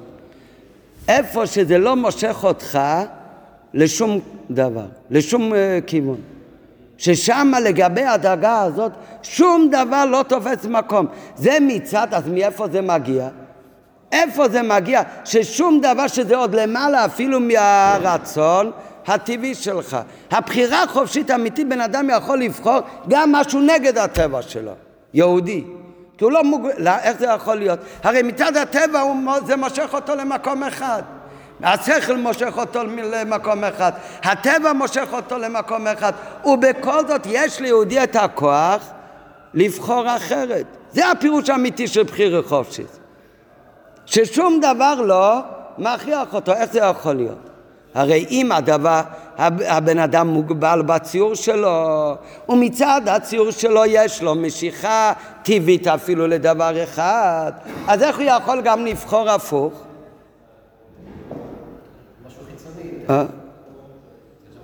לא, זה משהו חיצוני מכריח אותו? אז זה עוד פעם לא בחירה חופשית. בחירה חופשית זה הכוונה ששום דבר לא, הוא לבד בוחר. ובאמת, בשום דבר בבריאה אין כזה דבר. אם זה הגדרים של הטבע שלו, אז הוא צריך להתנהל לפי הטבע. כתוב שהקדוש ברוך הוא ברא את האדם הראשון, אמר שהיה אדם כאחד מאיתנו שהקדוש ברוך הוא נתן לבני ישראל את כוח הבחירה, הבחירה האמיתית, שאפשר לבחור, ושום דבר לא מכריח אותו אצל מי קיים, אך ורק בקדוש ברוך הוא. הקדוש ברוך הוא, מי, מי יגיד לו מה לעשות? העניין הבחירה האמיתית, זה יש רק בקדוש ברוך הוא. והקדוש ברוך הוא, שנתן לבני ישראל גם את הכוח הזה, שיכול לבחור בלי שום דבר שמכריח אותו. ואכן יכול לבחור גם נגד הטבע שלו, יכול לבחור גם אה, הפך טיבו. אז מה זה מראה? שהרצון שהוא תוצאה מהבחירה של הבן אדם, זה עוד יותר חזק מהרצון שהוא תוצאה מהרצון, מהטבע של הבן אדם. כי הטבע של הבן אדם אומר כאן, זה עדיין חלק מההגבלה, מהגדר של הבן אדם. הבחיר חופשית זה מעצמותו של בן אדם שלא מוגדר בשום דבר. על דרך זה זה כביכול למעלה. אצל הקודש ברוך כביכול, יש דרגה באלוקות כביכול, ששם המעשים של בן אדם תופס מקום, ושם הקודש ברוך הוא בוחר בבני, אה, אוהב את בני ישראל יותר מאומות העולם, כי בני ישראל הם צדיקים ולכתך אחריי במדבר, הם נאמנים לקודש ברוך הוא. זה הכל רצון של הקדוש ברוך הוא בבני ישראל שהם תוצאה מתועלת שמביאים לנו שמות ישראל. אחר כך יש משהו יותר עמוק, שהקדוש ברוך הוא קישר את עצמו עם בני ישראל כמו רצון טבעי כביכול, שהקדוש ברוך הוא אבינו ובני ישראל הם בנים אתם להשם אלוקיהם. אבל יש הרי דאגה בקדוש ברוך הוא. עצמותו של הקדוש ברוך הוא שלמעלה מכל גילויים, אז לגבי הדאגה הזאת, הרי אי אפשר להגיד שיש בנים ויש מי שלא בן, אם בדיוק כמו שלגבי דאגות הקדוש ברוך הוא. הנהלות אומרים, אם צדקת מה תיתן לי ורובו פשעך מה תפעל בו, ששום עניין של מעשה התחתינים מצד הגדר, מצד עצמם לא תופסים מקום לגבי דאגות האלה. אז ככה לגבי דאגה עוד יותר גבוהה, אז גם עניין של בנים למקום או לא בנים למקום גם כן לא תופסים מקום. כמו שכתוב הלא אח עשיו ליעקב. לגבי עצמותו של הקודש ברוך הוא, יעקב, איסוף, ובתחילת בריאת העולם עמי המדרש כתוב שהקדוש ברוך הוא עשה את האור ואת החושך ואמר הקדוש ברוך איני יודע במי חפץ מה זה אור וחושך? אומר המדרש אור במעשיהם של צדיקים וחושך במעשיהם של רשעים הקדוש ברוך הוא לא יודע באיזה מהם חפץ מה זאת אומרת איזה מהם חפץ? הם צדיקים הם רשעים זה גוף שאומרים שהמעשים הטובים זה תופס מקום ומעשים רעים תופסים מקום להפך. זה כבר בדרגה ששם תופס מקום המעשים לכאן או לכאן. לגבי עצמותו של הקודש ברוך הוא שום דבר לא תופס מקום. מי יגיד לו מה נחשב טוב מה נחשב רע וירא אלוקים את כי טוב והקדוש ברוך הוא בחר שזה הוא רוצה ואת זה הוא לא רוצה. זאת אומרת, יש דאגה שלגבי דאגה הזאת, הלא אחי עשיו ליעקב, שם הכל שווה אצל הקדוש ברוך הוא. וזה אומר הקדוש ברוך הוא, גם לגבי הדרגה הזאת, אתה בחתנו מכל העמים. שזה מראה על קשר הרבה יותר עמוק בין הקדוש ברוך הוא לבין בני ישראל. הקשר הראשון של הקדוש ברוך לבני ישראל זה כשבני ישראל עושים רצונו של מקום אז הם קרובים לקדוש ברוך הוא יותר משאר אומות העולם אבל זה קירוב שנוצר על ידי פעולה זה גם כן בדאגה כזאת באלוקות שהמעשים טוב, טובים תופסים מקום אחר יש דאגה יותר גבוהה, ששם שום דבר לא, לא תופס מקום, אז גם שם הקדוש ברוך הוא אוהב בני ישראל דווקא. למה? כי אומר הקדוש ברוך הוא, בואו נמעטם להשם אלוקיכם. אבל גם האהבה הזאת שבנימדתם להשם אלוקיכם, זה כמו אמרנו מקודם רצון טבעי, יש לו גם עדיין איזשהו הגדרה. מי אומר שיש לו עדיין איזושהי הגדרה? זה גם כן עדיין דרגה של גילויים של הקודש ברוך ששם הוא אומר אני אבא של בני ישראל. וכמו שאלתרבה מביא בתניא, בפרק שני, הוא אומר, זה שבו נמדתם להשם אלוקיכם זה כי בני ישראל עלו במחשבה. ומביא מחוכמו יתברך, אבל זה לא עצמותו של הקודש ברוך הוא. מה קורה לגבי דאגה כזאת שעצמותו של הקודש ברוך הוא? שם שייך להגיד נשמות עלו במחשבה ודבר אחר לא עלה במחשבה. עצמותו של הקודש ברוך הוא לא מוגדר בשום דבר. אז שם שום דבר לא תופס מקום כלפי הדאגה הזאת הכל שווה. יכול להיות, כמו שאמרנו מקודם, מתי שייך בחירה? כששתיהם אותו דבר. זה או ששתיהם באמת אותו דבר, או שלגבי דאגה כזאת גבוהה, שגם אם הם לא אותו דבר, אבל שתיהם הם שווים לגבי הרוממות שלו. לגבי עצמותו של הקדוש ברוך הוא, הרי לא שייך להגיד באמת שמשהו אחד יותר קרוב מהשני. לא שייך אפילו להגיד שאחד הוא בן ואחד הוא לא בן. לגבי הדרגות האלה, מהדרגה הזאת, הכל שווה. ולגבי הדרגה הזאת הכל שווה, אז שם כל החידוש של בחירה היא שאפילו בדרגה הזאת הקדוש ברוך הוא התחבר והתאחד עם בני ישראל ובחר בנשמות ישראל. וזה כמו שיגידו לבן אדם, אם בן אדם עדיף את זה על זה, אז למה הוא עדיף את זה? יש לזה הסבר, כי יש לו בזה יותר תועלת מבדבר השני. אז זה מוגבל כמה הוא רוצה את זה. את הבן שלו הוא מעדיף על מישהו אחר, זה גם לא עצם עניין הבחירה, למה? כי זה קשור עדיין איזושהי הגבלה, כי הוא באמת יותר תופס מקום ממישהו אחר. מה קורה בעצם אנשים? אם יש לבן אדם אבל... רק בגשמיות זה מאוד קשה להבין, נראה בהמשך. יש לבן אדם שתי הדברים האלה. ואז אתה אומר, תבחר אחד מהם. כן? שתי הדברים האלה זה שתי דברים זהים אותו דבר. או שיכול להיות גם שתי דברים לא זהים אותו דבר, אבל לגבי הדאגה שלי זה זהה. אבל זה אותו עניין. נגיד שתי הדברים האלה ממש אותו דבר. יגידו לך תבחור אחד מהם, ואני בחרתי בזה. נו, למה לקחתי את זה דווקא? אה? אז מצאתם. טוב. באיזה לבחור, זה כתוב, זה כך היה הגורל ביום הכיפורים, שצריך להגיע לדאגה של גרול, כדי שיא הכפרה יגלה עצם הבחירה של הקדוש ברוך הוא. טוב, אבל לא נוגע לענייננו, פשוט למדו עכשיו ברם. אבל השתי דברים האלה, הנה אותו דבר, אותו קרבה, הכל אותו דבר, ואני לוקח את זה, למה?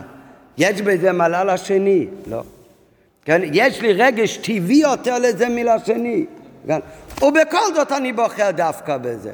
אז זה סימן, אין לזה שום טעם. אז למה עשיתי את זה? כי ככה אני החלטתי בלי סיבה. זה מגיע מהעצם שלי. רק מה? בדוגמה שאני אמרתי, זה לא באמת אמיתי. זה הכל בכאילו למה?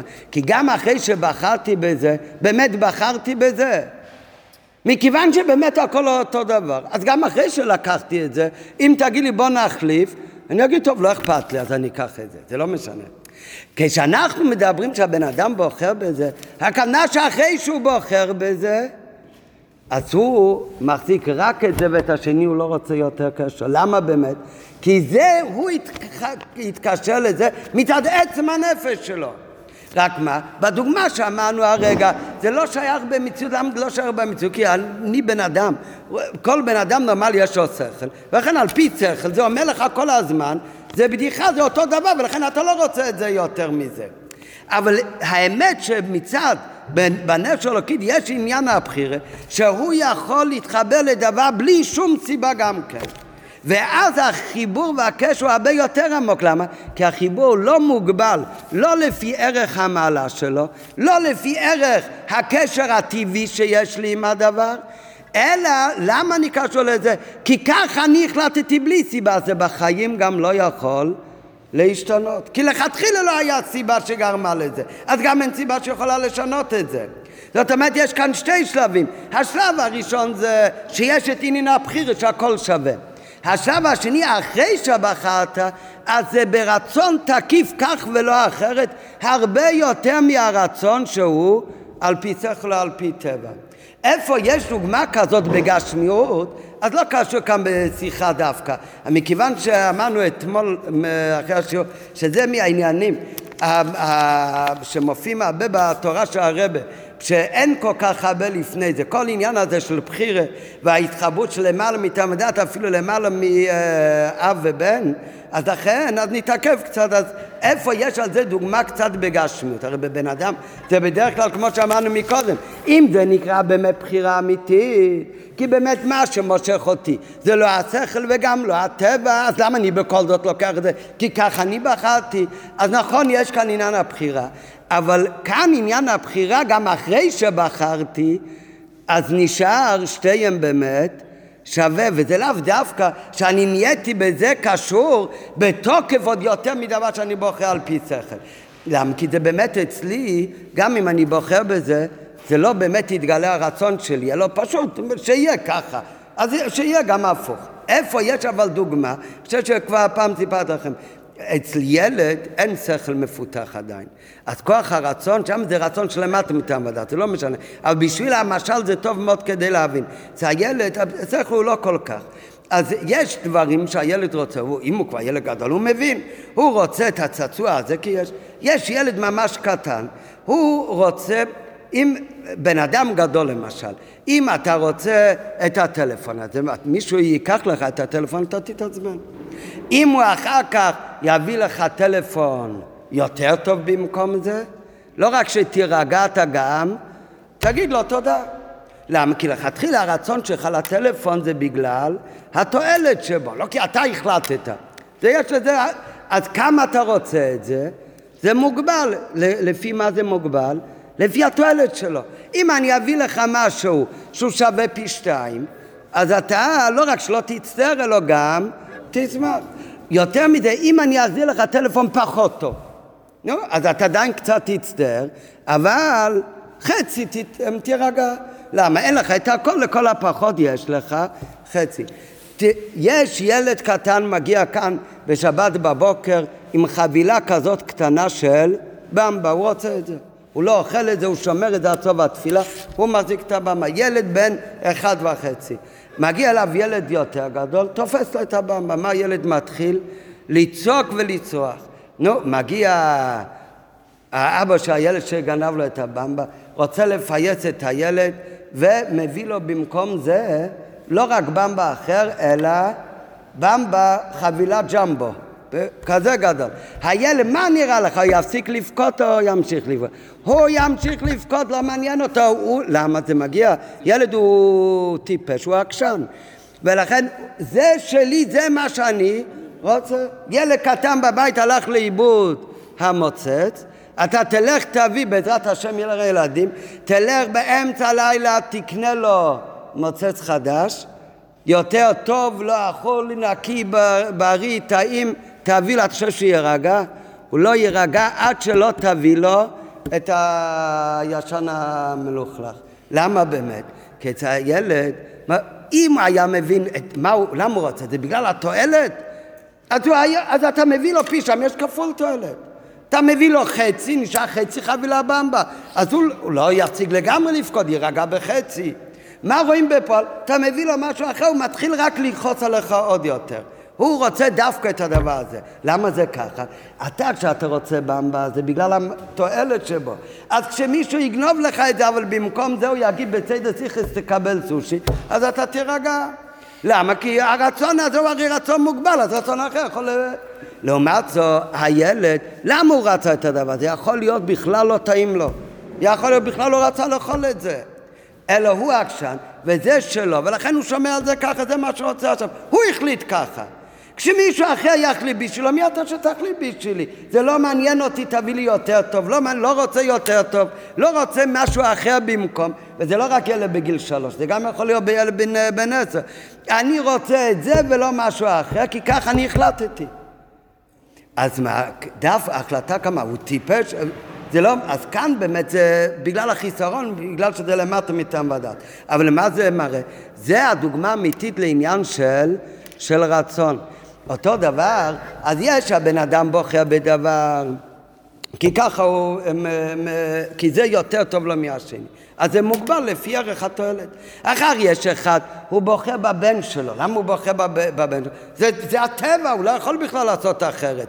אבל הטבע הזה, הטבע הזה הוא הרי גם כן מוגבל. במה הוא מוגבל? הוא לא מוגבל בסיבות חיצוניות, הוא מוגבל בעניין מאוד מאוד פנימי שאבא ובן קשורים. אבל בדאגה שהיא יותר עמוקה מלהיות אבא, ובדאגה שהוא לא הבן, אלא בדאגה שהעצם הנפש שלו אין שום קשר. לעומת זאת, יש מצד עצם הנפש, מצד עצם הנפש הכל שווה. והבן אדם, לכן שמה, גם יש אחד יותר טוב, אחד פחות טוב, הכל שווה שמה. שמה מתחיל עניין של בחירה. שמה, רק מה? אז שמה זה שתי דברים, זה כבר דאגה גבוהה בנפש, יש עניין הבחירה. דרך אגב, למי יש את עניין הבחירה האמיתי הזה? בנפש רק בני ישראל. קודש ברוך הוא, זה הכוח שיש רק לבני ישראל. שיש לו עניין הבחיר יכול לעשות גם נגד הטבע שלו, ושום דבר לא מכריח אותו. אז לגבי דרגה הזאת בנפש, הוא יכול לבחור בשתי דברים, לכאן או לכאן.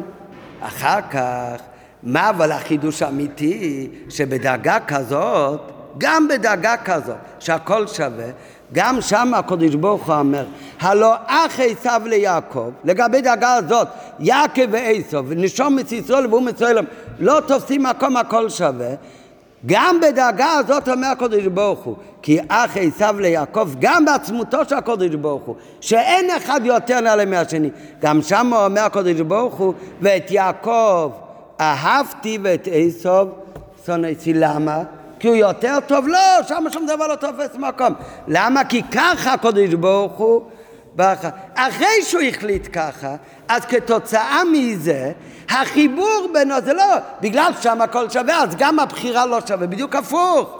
הבחירה פועלת, שעל ידי זה נעשה ייחוד של בני ישראל והקודש ברוך הוא עוד הרבה יותר עמוק מהאיחוד והחיבור שיש בין הקודש ברוך לבין בני ישראל מצד מייסי טובים שלהם, מצד האב ובן של הקודש ברוך הוא בני ישראל, אלא החיבור הזה זה חיבור עצמי, הקודש ברוך הוא בחר בנשומת ישראל, אז הם נהיו כמו דבר אחד. זה אף פעם לא יכול להיפסק וגם לא להילחש. למה? כי זה לא תלוי בשום דבר. אם זה לא תלוי בשום דבר, זה גם לא יכול להיפסק. אותו דבר זה גם כן בנשומת ישראל. זה, מתי נפעל העניין הזה? זה שבנשמות ישראל, כך כתוב בהערה, היה להם העניין הזה של uh, בחירה, אז זה כבר היה גם במצרים, זה היה גם לפני מתן תורה. אבל מתי נפעל בנשמות ישראל, שהם כביכול בחרו בקודש ברוך הוא, זה קרה כתוצאה מזה שהקודש ברוך הוא אתה וחתנו מכל העמים מתי היה, ובונו וחתם מכל העם ולא שנצטרך לכוון על מה זה הולך על זמן של מתן תורה. בזמן מתן תורה, שזה היה כבר אחרי יציאת מצרים, אז באמת, ובונו וחרתו, נעשה בחירה מעצמותו של הקודש ברוך הוא בעצם של ישראל. ואז גם נשמות ישראל בעצם בלי שום סיבה, גם לא סיבה טבעית, בוחרים ומחוברים עם הקודש ברוך הוא והתאחדו עם הקודש ברוך הוא. לפי זה עכשיו מובן, ביציאת מצרים היה קשר של הקודש ברוך של בני ישראל, איזה קשר? אב ובן, שלא יכול להינתק. אבל עדיין, הרי מצד הבחירה, שנשמות ישראל יש להם עדיין את עניין הבחירה, שזה למעלה מהקשר של אב ובן, אז מצד הבחירה הוא יכול להתנגד לקשר של אב ובן. הוא בחר בלא טוב. זה אותם אלה שלא רצו לצאת ממצרים. ולכן על זה אומרים אין קטגר נאסס הנגר, והבחירת שלהם יכלה להרוס את האב ובן. אחרי שכבר היה מתנתרא, שבאז התגלה שבדג של עצם הנשום, שזה עניין הבחירה. אבל מה קרה? שהוא בחר בקודש ברוך הוא. כי אז כבר הקודש ברוך הוא גם כן בחר בנשמות ישראל. וכמו שאמרנו מקודם, עניין הבחירה אחרי שהוא בחר, זה לא בגלל שהכל שווה, אז גם אחרי הבחירה הכל שווה. בדיוק הפוך. כתוצאה מהבחירה, אז אחרי הבחירה להחליפון באומה אחרת, איני יכול בכלל. בדיוק כמו הילד מצד העקשנות שלו, הוא החליט ככה ולא אחרת, הוא לא רוצה משהו אחר. כתוצאה מזה שאין שום סיבה לרצון הזה, אז אחרי שהוא החליט שזה משהו רצון, זה באמת לא יכול להשתנות, כי שום דבר לא גרם לבחירה הזאת, אז שום דבר גם לא יכול להוריד את הבחירה הזאת. ואז יוצא שאחרי מתנתרא, שהתגלה כבר עניין היחידה, אז אחרי שהתגלה עניין, עניין הבחירה, ובחרו בקודש ברוך הוא, אז בגאולה עתידה, אז מצד עצם הנשמה של כל יהודי, הוא הרי רוצה לבחור אך ורק, הוא בחר בקודש ברוך הוא. אז אין בכלל מציאות שהוא לא רוצה לצאת מהגלות. אה, הוא אומר שהוא לא רוצה לצאת מהגלות? אז זה ההלם והסתר על הנשומת שלו. אז הוא אמר שהוא לא רוצה לצאת מהגלות. אבל מה הרצון פנימי שלו? הרצון הפנימי שלו באמת שהוא כן רוצה לצאת מהגלות. הוא רוצה להידבק בקודש ברוך הוא לא רוצה להיות בארץ אשור ובארץ מצרים. ביציאת מצרים מי שלא רצה הוא באמת לא רצה. אה, יש עניין של אב ובן, אבל יש גם דאגה יותר גבוהה. הוא יכול גם לבחור בהפך חס וחלילה. אז זה לא נותן לה גילוי של אב ובן. אחרי שכבר היה חיבור של הבחירת של הקודש ברוך הוא עם בני ישראל, אז הם נעשו כדבר אחד ממש. ולכן בגאולה עתידה לא יישאר יהודי אחד שהוא לא יש... יצא מהגלות. זה הביור. עכשיו נקרא את זה רק מבפנים. על דרך זה הוא כביכול גם למעלה, בטור השני בעמוד חמש. שרצונו ואהבתו של הקדוש ברוך לבני ישראל מצד היותם בנים למקום אבינו.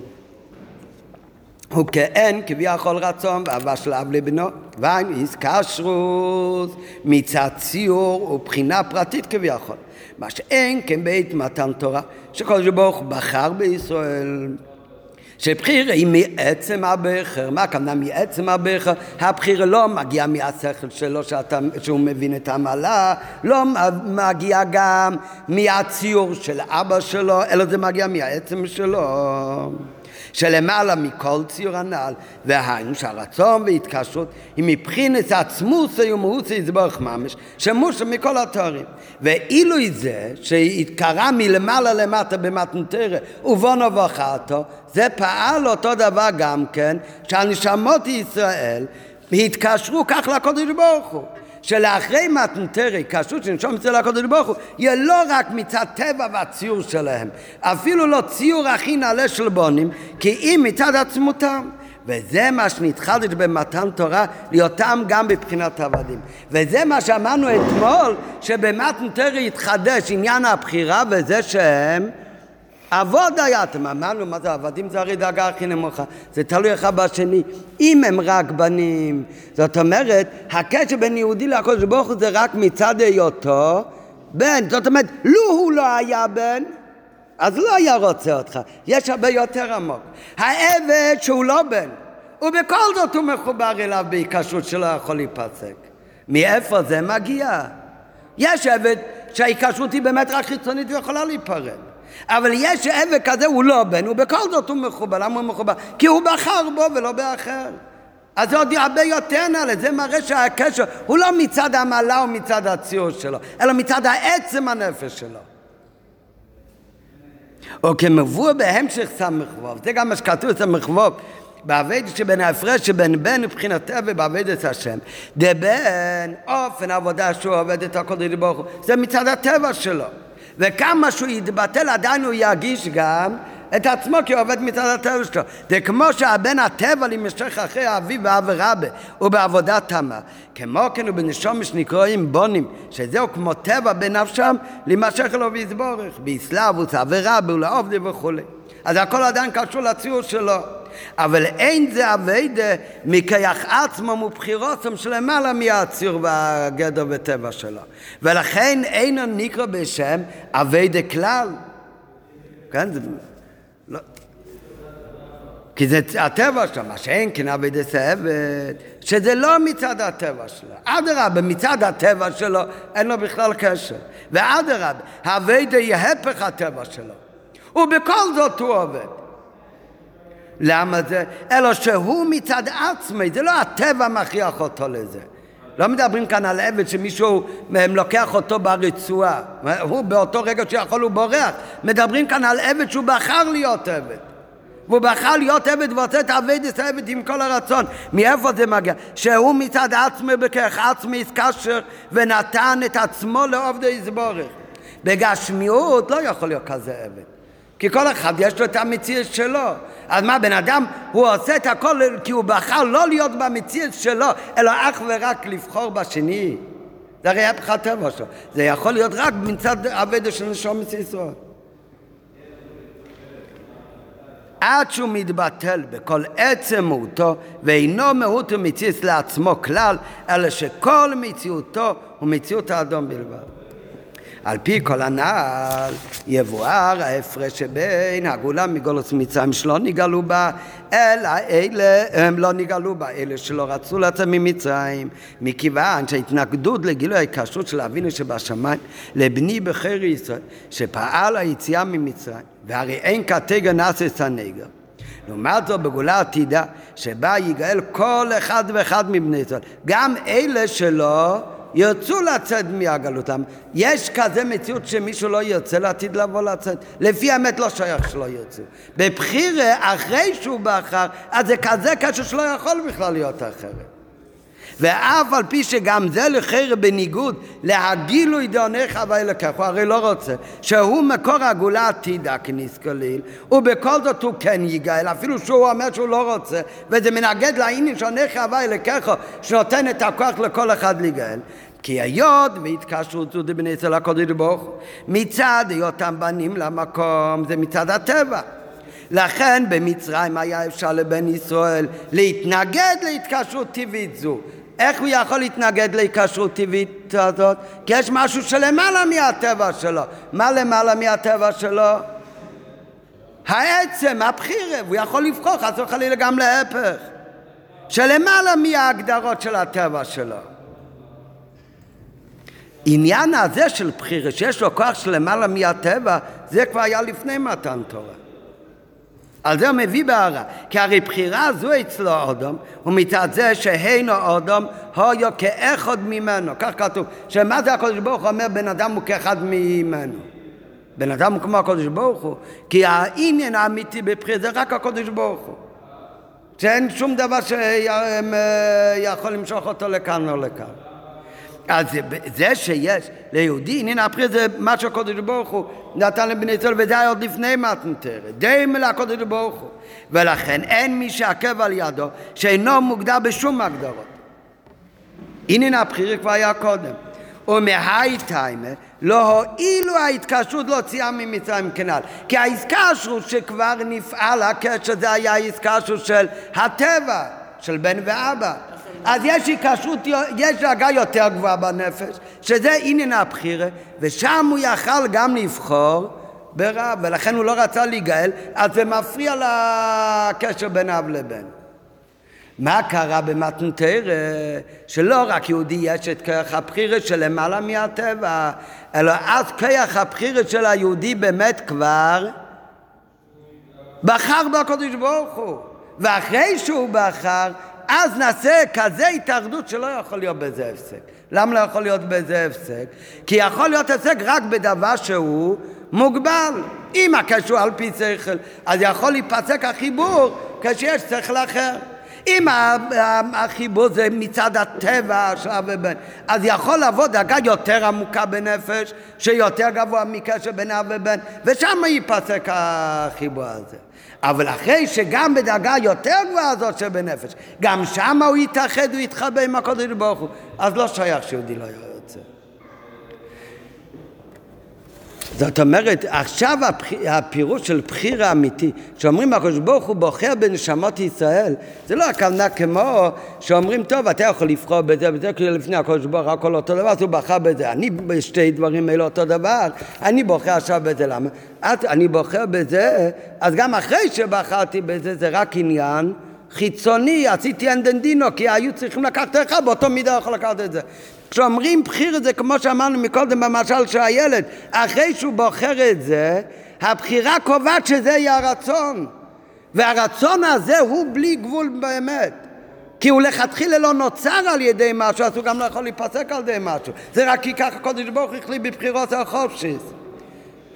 אז בחיר וחופשיס זה שתי דברים הם אותו דבר, אבל זה לא הכוונה שבאמת הם אותו דבר. הכוונה שאחרי הבחירה אז הקשר בין הקדוש ברוך לנשמות ישראל הוא עוד יותר עמוק מבכל דרגה אחרת. מצד עצמות שהקדוש ברוך הוא מחובר בלי גבול לקדוש ברוך לבני ישראל. אותו דבר אצל היהודי. את יהודי כשאומרים, יהודי יש לו בחירה חופשית אמיתית. אז זה קצת שונה. לפני מתן תורה, כאן הוא יכל לבחור. בהקודש ברוך הוא יכל גם כן בחיר חופשית להחליט הפוך. ואם הוא מחליט הפוך, זה הורס, זה לא נותן להתגלות של הקשר בין אב ובן, ולכן לא יצא ממצרים. אחרי מתן תורה, שלא רק ליהודי יש עצם הנשומת, שמשם זה עניין הבחיר, אלא אחרי מתן תורה בדרגה הזאת של עצם הנשומת, הם כבר בחרו נשמות ישראל בהקודש ברוך הוא. אז אחרי הבחירה, זה לא רק כרך הבחירה, כבר בחרו בקודש ברוך הוא, אז לא יכול להיות אחרת. ולכן מאז כל יהודי מצד הטבע שלו הוא רוצה למסור נפשו על הקודש ברוך הוא לא יכול בכלל אחרת. זה שיהודי בפועל ממש יכול לחטוא, הוא עושה נגד האמת של עצמו. זה לא אמיתי. מצד האמת יהודי רק רוצה בקודש ברוך הוא. מצד הבחירה שהוא בחר בקודש ברוך הוא לא יכול לרצות יותר אף פעם מה שעשה. וזה יגאל בגאולה לעתיד. ולכן גם מי שאומר שהוא לא רוצה, הוא גם ייגאל. כי זה לא באמת מעלים על ההיקשרות. כי הלא רוצה לעתיד לבוא הוא לא אמיתי. כי מצד האמת הוא כבר, אם זה היה רצון של בחירה, זה כבר לא יכול uh, להשתנות. אמנם לאחר שבוך הקודש ברוך הוא בבני ישראל לבייס מתנתרת, שההיקשרות זו להיותם מצד הבחירה, היינו מצד עצמותו מהותו ממש, היא פעלה גם כן בבני ישראל להיות היקשרותם לקודש ברוך מצד עצמותם. ובמילא בכל עצם מאוסם ומציאוסם, והרי מובן ששוב בעצם אי אפשר לו ליהודי להתנגד להיקשרות זה. מצד העצם, אם זה לא תלוי, לא בסיבה ולא בטבע, אז לא יכול להיות בזה גם כן שינוי שיתנגד אחר להיקשרות זו. מכיוון שזה המהות והעצמות של הבן אדם, שהוא בוחר בליכוס. איי בחיצוניות, הוא לא רוצה לצד מהגלות. אז זה הפך אמיתי עניין הבחירה. לפני מתנתר מי שלא רצה לצאת, למה זה באמת? כי הוא בחר באמת בבחירתו של הנשמה שלו לא לצאת. אחרי מתן תורה שהם כבר בחרו בקודש ברוך הוא, אז הוא כבר בחר כן לצאת. זה שהוא חושב שהוא לא רוצה לצאת, זה נגד הבחירה האמיתית מצד הנשמה שלו. ולכן מובן שמכיוון שלפי האמת של כל נשמה כבר לא שייך גם מצד עניין הבחירה, שהוא לא יוצא לצאת מהגלות ולא להיות דבוק בקודש ברוך הוא, אז לכן מכיוון שזה העצם והמהות האמיתית של כל נשמה, ש... וזה אמת כזאת שלא יכולה להיפסק, כי הוא לא מוגבל מלכתחילה. לכן סוף כל סוף כל נשמה גם של רשע גמור יסתובב ויסתובב ויתגלגל עד שסוף הדבר הבטיחה תורה שכל אחד ואחד מישראל איך שהוא יעשה תשובה והשופר גדול יעורר אותו והוא יחזור בתשובה ולא יישאר אחד שלא יבוא איתנו בגאולה אמיתית. ולכן מובן שסוף סוף תתגלה בחירתו העצמית, שיבחור השם לחלקי ולגורלו, גם בגלוי, וסופו של כל אחד ואחד, מה כאן ההדגשה כל אחד ואחד חוזר לתחילת השיחה, לא רק עם ישראל כמרובים, אלא כל אחד ואחד כיחיד גם כן, גם כפרט מישראל, סופו לעשות תשובה בסוף גלותן, ומיד הן נגאלים.